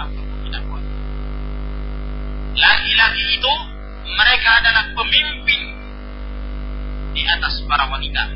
Dengan apa yang Allah Subhanahu wa taala muliakan mereka di atas sebagian yang lainnya dan berdasarkan apa yang menjadi kewajiban mereka untuk mereka nafkahkan kepada keluarga mereka dari harta-harta yang mereka miliki. Al-Hafidh Ibnu Katsir rahimahullah taala ketika beliau menjelaskan firman Allah Subhanahu wa taala ini, "Ar-rijalu qawwamuna 'ala nisa." Laki-laki itu adalah qawwam terhadap wanita. Kata beliau, "Ai ar-rajulu qayyimun 'ala al-mar'ah." Ai huwa ra'isuha hakimu 'alaiha wa mu'addibuha idza wajjat. Yaitu seorang laki-laki adalah pemimpin atas wanita. Dialah yang akan memimpinnya dia sebagai pembesarnya, dia sebagai hakim dalam menentukan wanita tersebut. Dan dia sebagai yang akan memberikan pendidikan dan adab apabila wanita tersebut menjadi bengkok. Ketika wanita itu maka ini merupakan ketegasan dari Allah Subhanahu wa taala bahwa yang berhak untuk menjadi pemimpin itu adalah laki-laki bukan wanita. Ya, Bagaimanapun keadaan wanita itu. Walaupun dia berasal dari keturunan yang lebih baik daripada suami. kadang kadang sekarang ini kondisinya berbalik subhanallah. Ya, terjadi perubahan. Mereka telah meninggalkan syariat Allah Subhanahu wa taala. Mereka telah meninggalkan ketentuan yang disebutkan oleh Allah Jalla wa ala yang semestinya laki-laki itu menjadi pengatur dalam rumah tangga. Nah, di sebagian keluarga terbalik wanita yang menjadi pemimpin laki-lakinya diperintah sana sini. Nah, apalagi kalau laki-lakinya hanya lulusan SMA saja, wanitanya S2, S1, SS yang lainnya. Ya. Kalau mau debat kalah terus suaminya. Ya, nggak bisa. Karena dianggap suaminya ini rendah ilmunya. Allah musta'an. Tidak terpandang zaman yang mereka sebut dengan zaman eman simpanse ah, eman si. Eman si pasi ya bukan simpanse ya. Eman simpanse wanita. Allah Ustaz. Eman-eman banyak wanita yang jadi simpanse Allah Ustaz seperti itu keadaan. Ya. Wanita yang keluar cari makan. Suami tinggal di rumah ngurus anak. Sian suaminya. Ya. Wanita yang pulang dari pagi sampai malam. Wah, profesinya Masya Allah tingkat tinggi. Suaminya tuh istrinya di rumah. Suaminya yang masak, ya. Suaminya yang mengatur kondisi rumah tangga. Terbalik, subhanallah. Gak ada.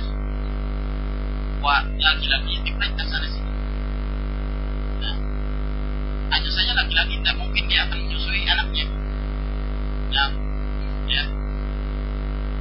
Terjadi perubahan. Allah musta'an. Ini telah meninggalkan fitrah yang sebenarnya. Ini telah merubah apa yang telah menjadi ketentuan Allah Subhanahu wa taala. Bahkan Rasul sallallahu alaihi wasallam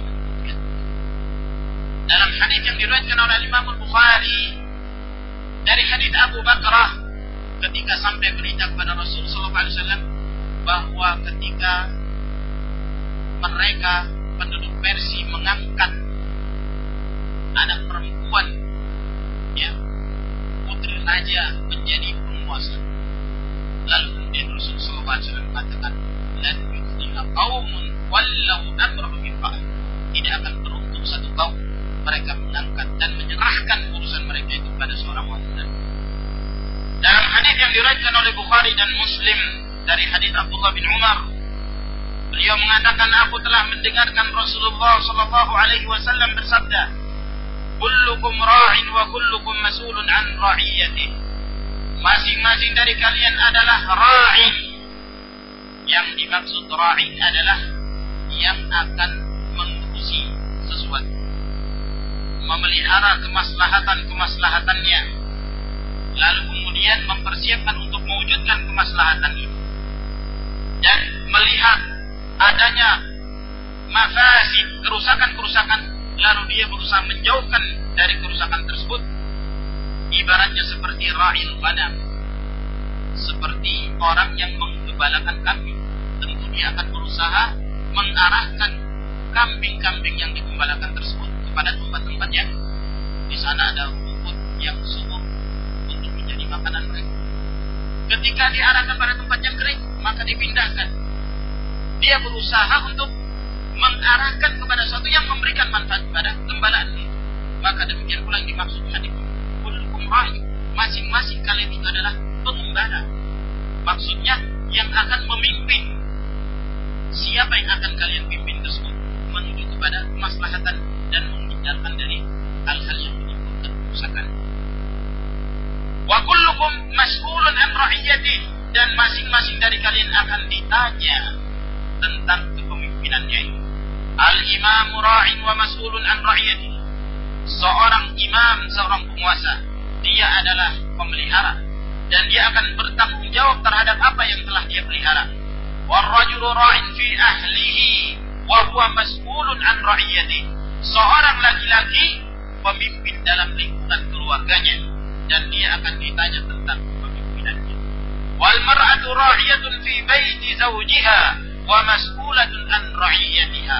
Seorang wanita juga sebagai pemelihara di rumah suaminya dan dia akan bertanggung jawab tentang apa yang telah dia pelihara. Wal khadimu ra'in fi mali sayyidih wa mas'ulun an ra'iyatih. Seorang budak juga memimpin harta dari tuannya dan dia akan bertanggung jawab tentang kepemimpinannya tersebut.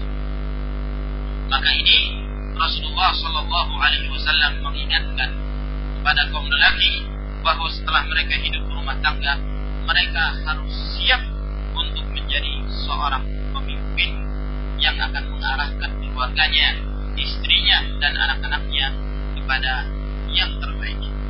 Tentu suatu hal yang paling utama sebagai seorang pemimpin yang akan mendidik keluarganya satu hal yang paling utama dan paling prinsip dalam kehidupan rumah tangga adalah mengarahkan keluarganya itu agar senantiasa mereka bertakwa kepada Allah Subhanahu wa taala. Ini yang paling bimbing mereka untuk menjadi orang-orang yang muttaqi, menjadi anak-anak yang saleh, menjadi istri yang salihah yang senantiasa bertakwa kepada Allah Subhanahu wa taala. Karena kalau tanpa takwa maka akan hancur kehidupan. Mungkin mereka akan merasakan kenikmatan dalam kehidupan dunia. Mereka bisa berfoya-foya dengan harta yang mereka miliki. Tapi akan hancur kehidupan mereka ketika mereka menuju pada kehidupan akhir. Tanpa ketakwaan, kebahagiaan abadi itu tidak akan didapatkan oleh. Itu adalah satu hal yang pasti. Yawma ba'duhum li. Orang-orang yang mereka itu saling berteman setia, hidup berdampingan di dunia, pada hari kiamat nanti mereka akan dipisahkan, akan dipisahkan suami istri, ya, kecuali orang-orang yang bertakwa kepada Allah Subhanahu wa taala. Orang-orang yang bertakwa kepada Allah, mereka mendapatkan kemuliaan dikumpulkan oleh Allah Subhanahu wa taala di dunia, demikian pula di akhirat. Di dunia berkumpul dengan istri, berkumpul dengan anak-anak.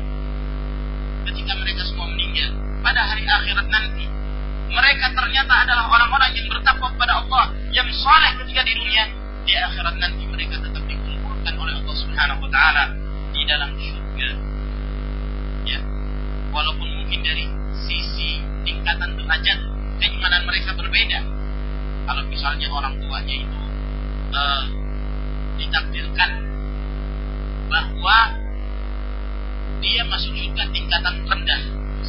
Sementara anaknya lebih soleh daripada orang tuanya. Maka dengan kesolehan anak tersebut orang tuanya itu akan diangkat dikumpulkan bersama anaknya. Bukan anaknya yang direndahkan kedudukannya ya.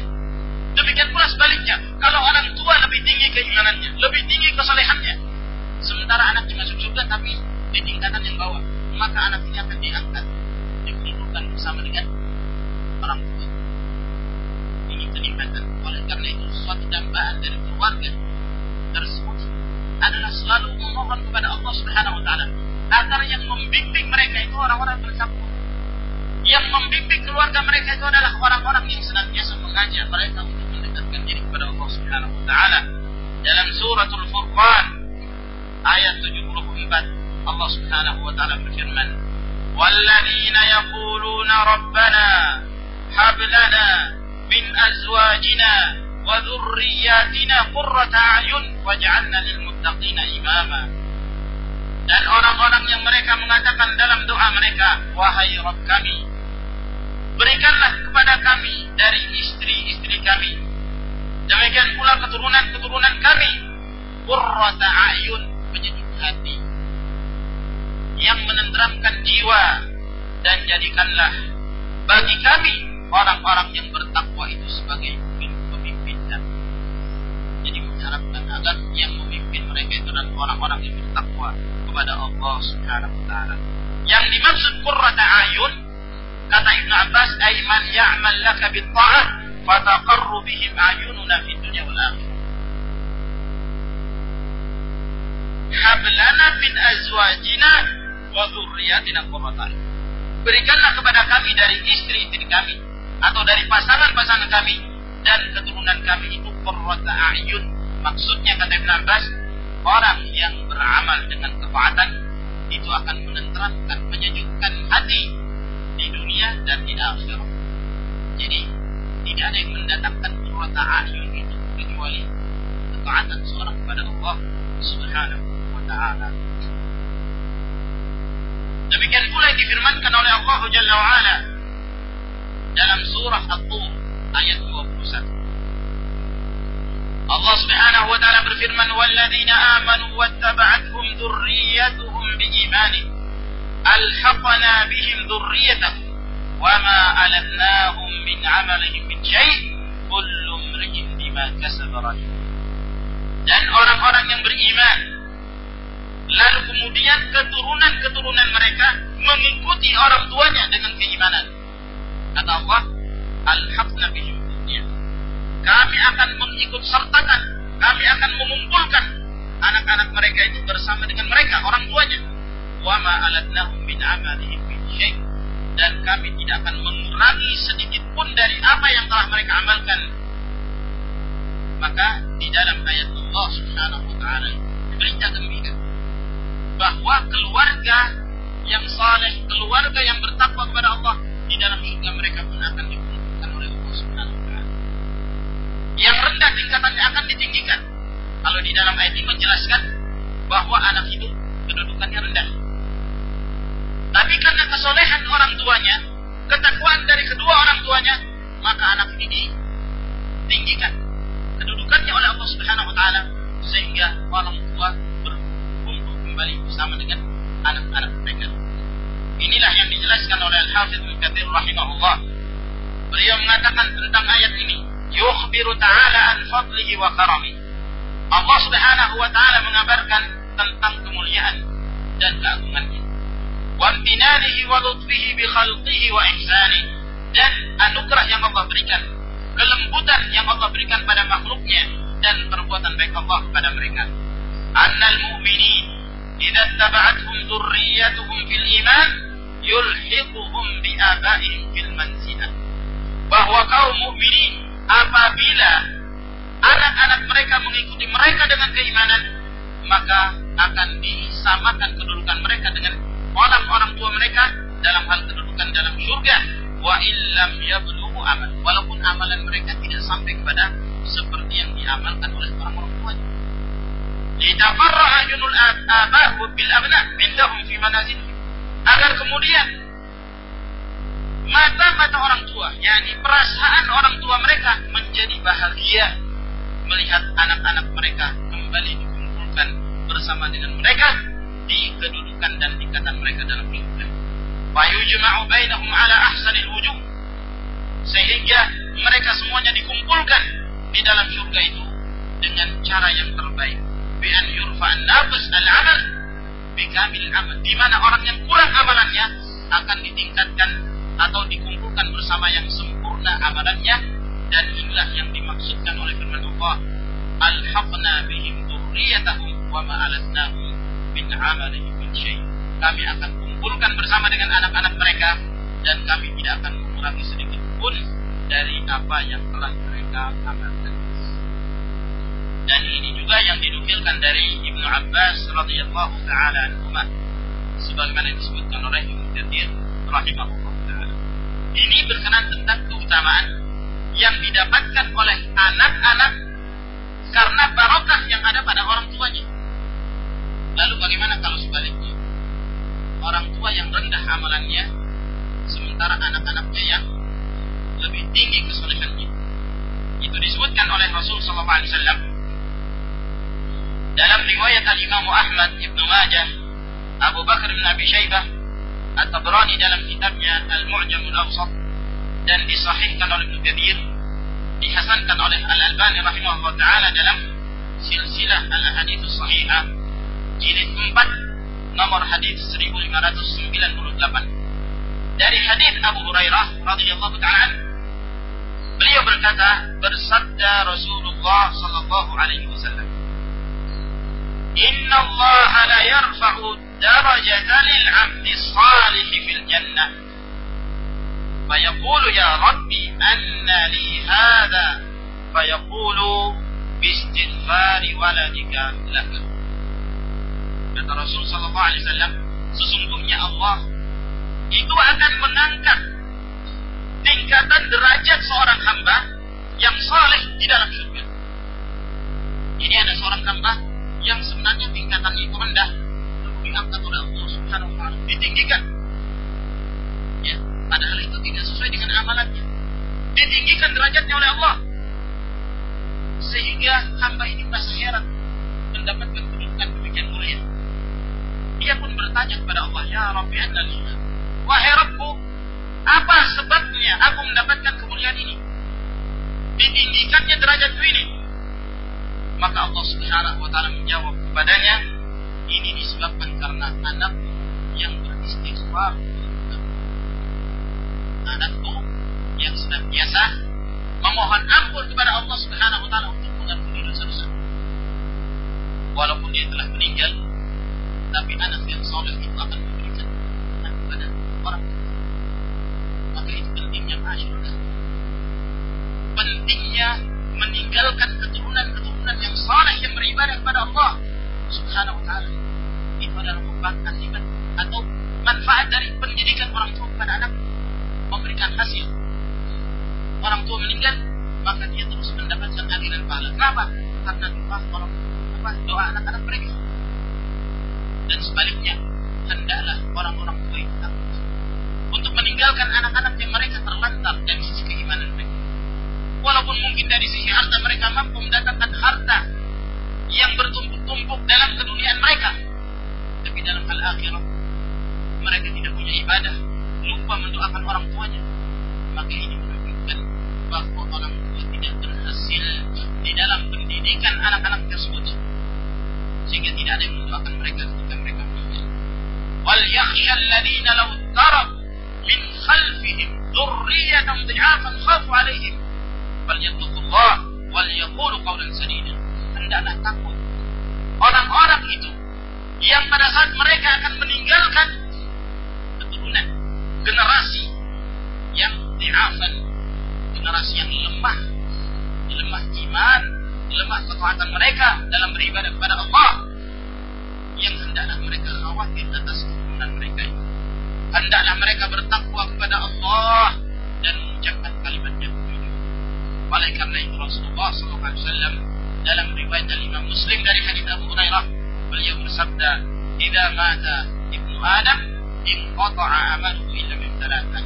Shadaqatin jariyah aw ilmin yuntafa'u bihi aw waladin salihin yad'u Apabila meninggal seorang manusia, telah terputus amalannya kecuali salah satu di antara tiga perkara. Sedekah yang terus dimanfaatkan. Wakaf. Ada seorang punya tanah, dia wakafkan lillah. Sehingga tanahnya tersebut terus dimanfaatkan. Bisa bilillah. Maka dia akan terus mendapatkan pahala. Yang kedua, ilmu yang bermanfaat. Apa yang kita ajarkan pada anak kita, apa yang kita ajarkan pada orang, apa kepada istri kita, apa yang kita ajarkan kepada orang lain, lalu mereka mendapatkan hidayah karena sebab kita kita meninggal mereka terus mengamalkan apa yang telah kita ajarkan pada mereka maka dia akan mendapatkan pahala demikian pula seorang anak yang saleh yang mendoakan kebaikan orang tuanya. Orang tua meninggal anak yang soleh rutin mendoakan orang tuanya. Rabbi firli wali walidayya warhamma rabbayani Ya Allah ampunilah aku ampunilah kedua orang tuaku dan rahmatilah mereka berdua sebagaimana keduanya telah menderita di saat Kita mendoakan orang tua tersebut sehingga orang tua yang tadi kedudukannya rendah atau mungkin yang tadinya akan dilemparkan ke dalam neraka diselamatkan oleh Allah. Ya. Tertahan kenapa?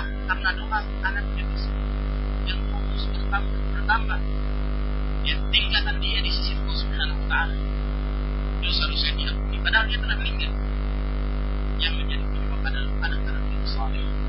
Maka itu Ma'asyarul ikhwan salah satu di antara manfaat diberikan anak-anak tersebut lalu kemudian anak menjadi anak yang saleh adalah bermanfaat bagi orang tuanya untuk mereka.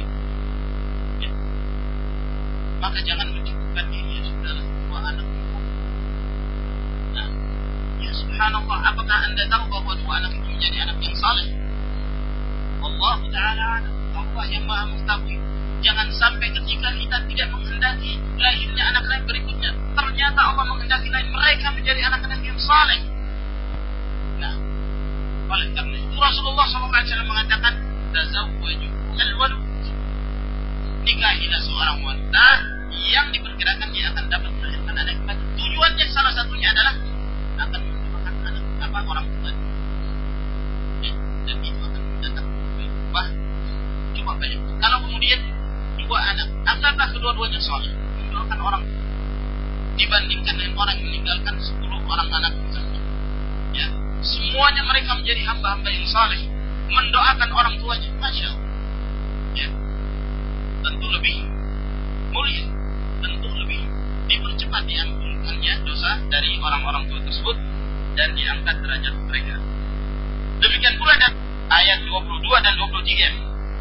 الله سبحانه وتعالى بالفرمن والذين صبروا ابتغاء وجه ربهم وأقاموا الصلاة وأنفقوا مما رزقناهم سرا وعلانية. ويدرؤون بالحسنة السيئة. أولئك لهم عقبى الدار. جنات عدن يدخلونها ومن صلح من آبائهم وأزواجهم وذرياتهم. والملائكة يدخلون yadkhuluna alaihim min kulli bab. Allah Subhanahu wa taala berfirman dan orang-orang yang bersabar mengharapkan wajah Rabb mereka lalu mereka senantiasa menegakkan salat dan mereka menginfakkan apa yang telah kami berikan pada mereka dari rezeki baik secara sembunyi-sembunyi maupun secara terang-terangan lalu kemudian mereka menolak kejahatan-kejahatan perbuatan-perbuatan buruk mereka ganti dengan kebaikan maka mereka akan mendapatkan akibat yang terbaik di kampung akhirat nanti. Yaitu mereka akan mendapatkan surga dan mereka akan memasukinya. Mereka akan memasukinya bersama dengan orang-orang yang soleh dari orang-orang tua mereka, dari pasangan-pasangan mereka, istri-istri mereka, dan dari keturunan-keturunan mereka. Mereka semuanya akan dikumpulkan oleh Allah Subhanahu wa taala. Wal malaikatu yadkhuluna alaihim bab kemudian para malaikat akan mendatangi mereka dari setiap pintu lalu mendoakan mereka dengan kebaikan. Maka ayat ini juga menjelaskan pada kita bahwa keluarga yang bertakwa kepada Allah Subhanahu wa taala, mereka akan dikumpulkan oleh Allah. Mereka tidak akan dipisahkan. Ketika orang-orang akan dipisahkan antara ahbabnya, antara suami istri dipisahkan, antara orang tua dengan anak dipisahkan pada hari kiamat. Tidak akan ada yang dipersatukan oleh Allah Subhanahu wa taala kecuali orang-orang yang mendasari keimanan mereka ketika di dunia dengan takwa Allah. Maka ini penting masyarakat menjadi asas utama. Fondasi yang terpenting dalam keluarga adalah saling mengingatkan bertakwa kepada Allah Subhanahu wa taala. Tahun di atas perkara ini ya membantu istri agar kemudian dibantu keimanan dibantu diberikan semangat untuk beramal. Apabila kita mengetahui ada penyimpangan, segera selamatkan dia dari adab Allah Subhanahu wa taala. Kita melihat anak kita dikhawatirkan terlantar, lingkungannya buruk, maka kita berusaha untuk menyelamatkan kemampuan kita. Demikian pula sebaliknya, ketika seorang anak melihat kemungkaran yang terjadi pada orang tuanya, dia berusaha untuk membuka semampunya. Semampunya. Sehingga dengan adanya ta'awun yang seperti ini, maka Allah Subhanahu wa taala akan memberikan barokah pada keluarga. Sungguh kenikmatan ketika seorang istri bertakwa kepada Allah, seorang suami bertakwa kepada Allah, seorang anak bertakwa kepada Allah dan berbakti pada kedua orang tuanya. Lalu mereka saling kerjasama, saling mengingatkan ketika ada yang salah. Ini adalah merupakan keluarga yang benar-benar diridhai Allah Subhanahu wa taala di dunia wal akhirah. Di dalam hadis yang diriwayatkan oleh Al Imam Abu Dawud, Al Imam Ahmad, Ibn Hibban, Al Hakim, Ibn Khuzaimah dan Al Baihaqi dari hadis Abu Hurairah kata Rasulullah sallallahu alaihi wasallam rahimallahu rajulan qama min al-laili yusalli wa ayqadha imra'atahu فإن أبت نضح في وجهها الماء Allah subhanahu wa ta'ala memberikan rahmat kepada seorang laki-laki. Di malam hari dia bangun. Dia hendak mengerjakan sholat. Lalu dia bangunkan istrinya. Agar ikut mengerjakan sholat bersamanya. Kalau istrinya enggan maka dipercikan wajahnya itu air. Wa rahimallahu imra'atan qamat minal layli wa ayqadat zawjaha. Fa in aba nadahat fi wajhihi al-ma' dan Allah merahmati kepada seorang wanita dia bangun di malam hari lalu dia membangunkan suaminya untuk melaksanakan sholat bersama-sama. Apabila suaminya enggan maka dia percikan ke wajah suaminya itu air. Lalu kemudian keduanya bangun lalu kemudian keduanya mengerjakan sholat secara berjamaah maka ini suatu keutamaan dalam hadis yang lain dalam riwayat Abu Dawud dan Ibn Hibban dari hadis Abu Sa'id Al-Khudri dan Abu Hurairah radhiyallahu taala anhuma bahwa Nabi sallallahu alaihi wasallam bersabda, "Idza istayqadha ar-rajulu min al-lail fa sallaya rak'atain, kutiba min adh-dhakirin Allah katsiran wa dhakirat." Apabila seorang laki-laki bangun di malam hari, lalu dia bangunkan istrinya, lalu keduanya mengerjakan sholat dua rakaat, maka keduanya dicatat oleh Allah Subhanahu wa taala sebagai orang-orang yang senantiasa berzikir kepada Allah tabaraka wa taala. Maka hadis ini merupakan contoh kita bagaimana Allah Subhanahu wa taala akan memberikan rahmat kepada keluarga akan senantiasa memberikan barakah kepada keluarga yang mereka saling tolong menolong untuk bertakwa kepada Allah saling ingat mengingatkan saling bantu membantu untuk mendekatkan diri kepada Allah subhanahu wa ta'ala. Maka tentu kita berusaha ya walaupun secara perlahan-lahan kita terus memperbaiki diri kita memperbaiki keluarga kita agar kemudian mereka lama-lama terbiasa untuk melakukan hal-hal yang mendekatkan diri mereka kepada Allah Jalla wa'ala. Dan sekiranya Allah Ta'ala uh, pertemuan kita pada pagi hari ini untuk sampai di sini.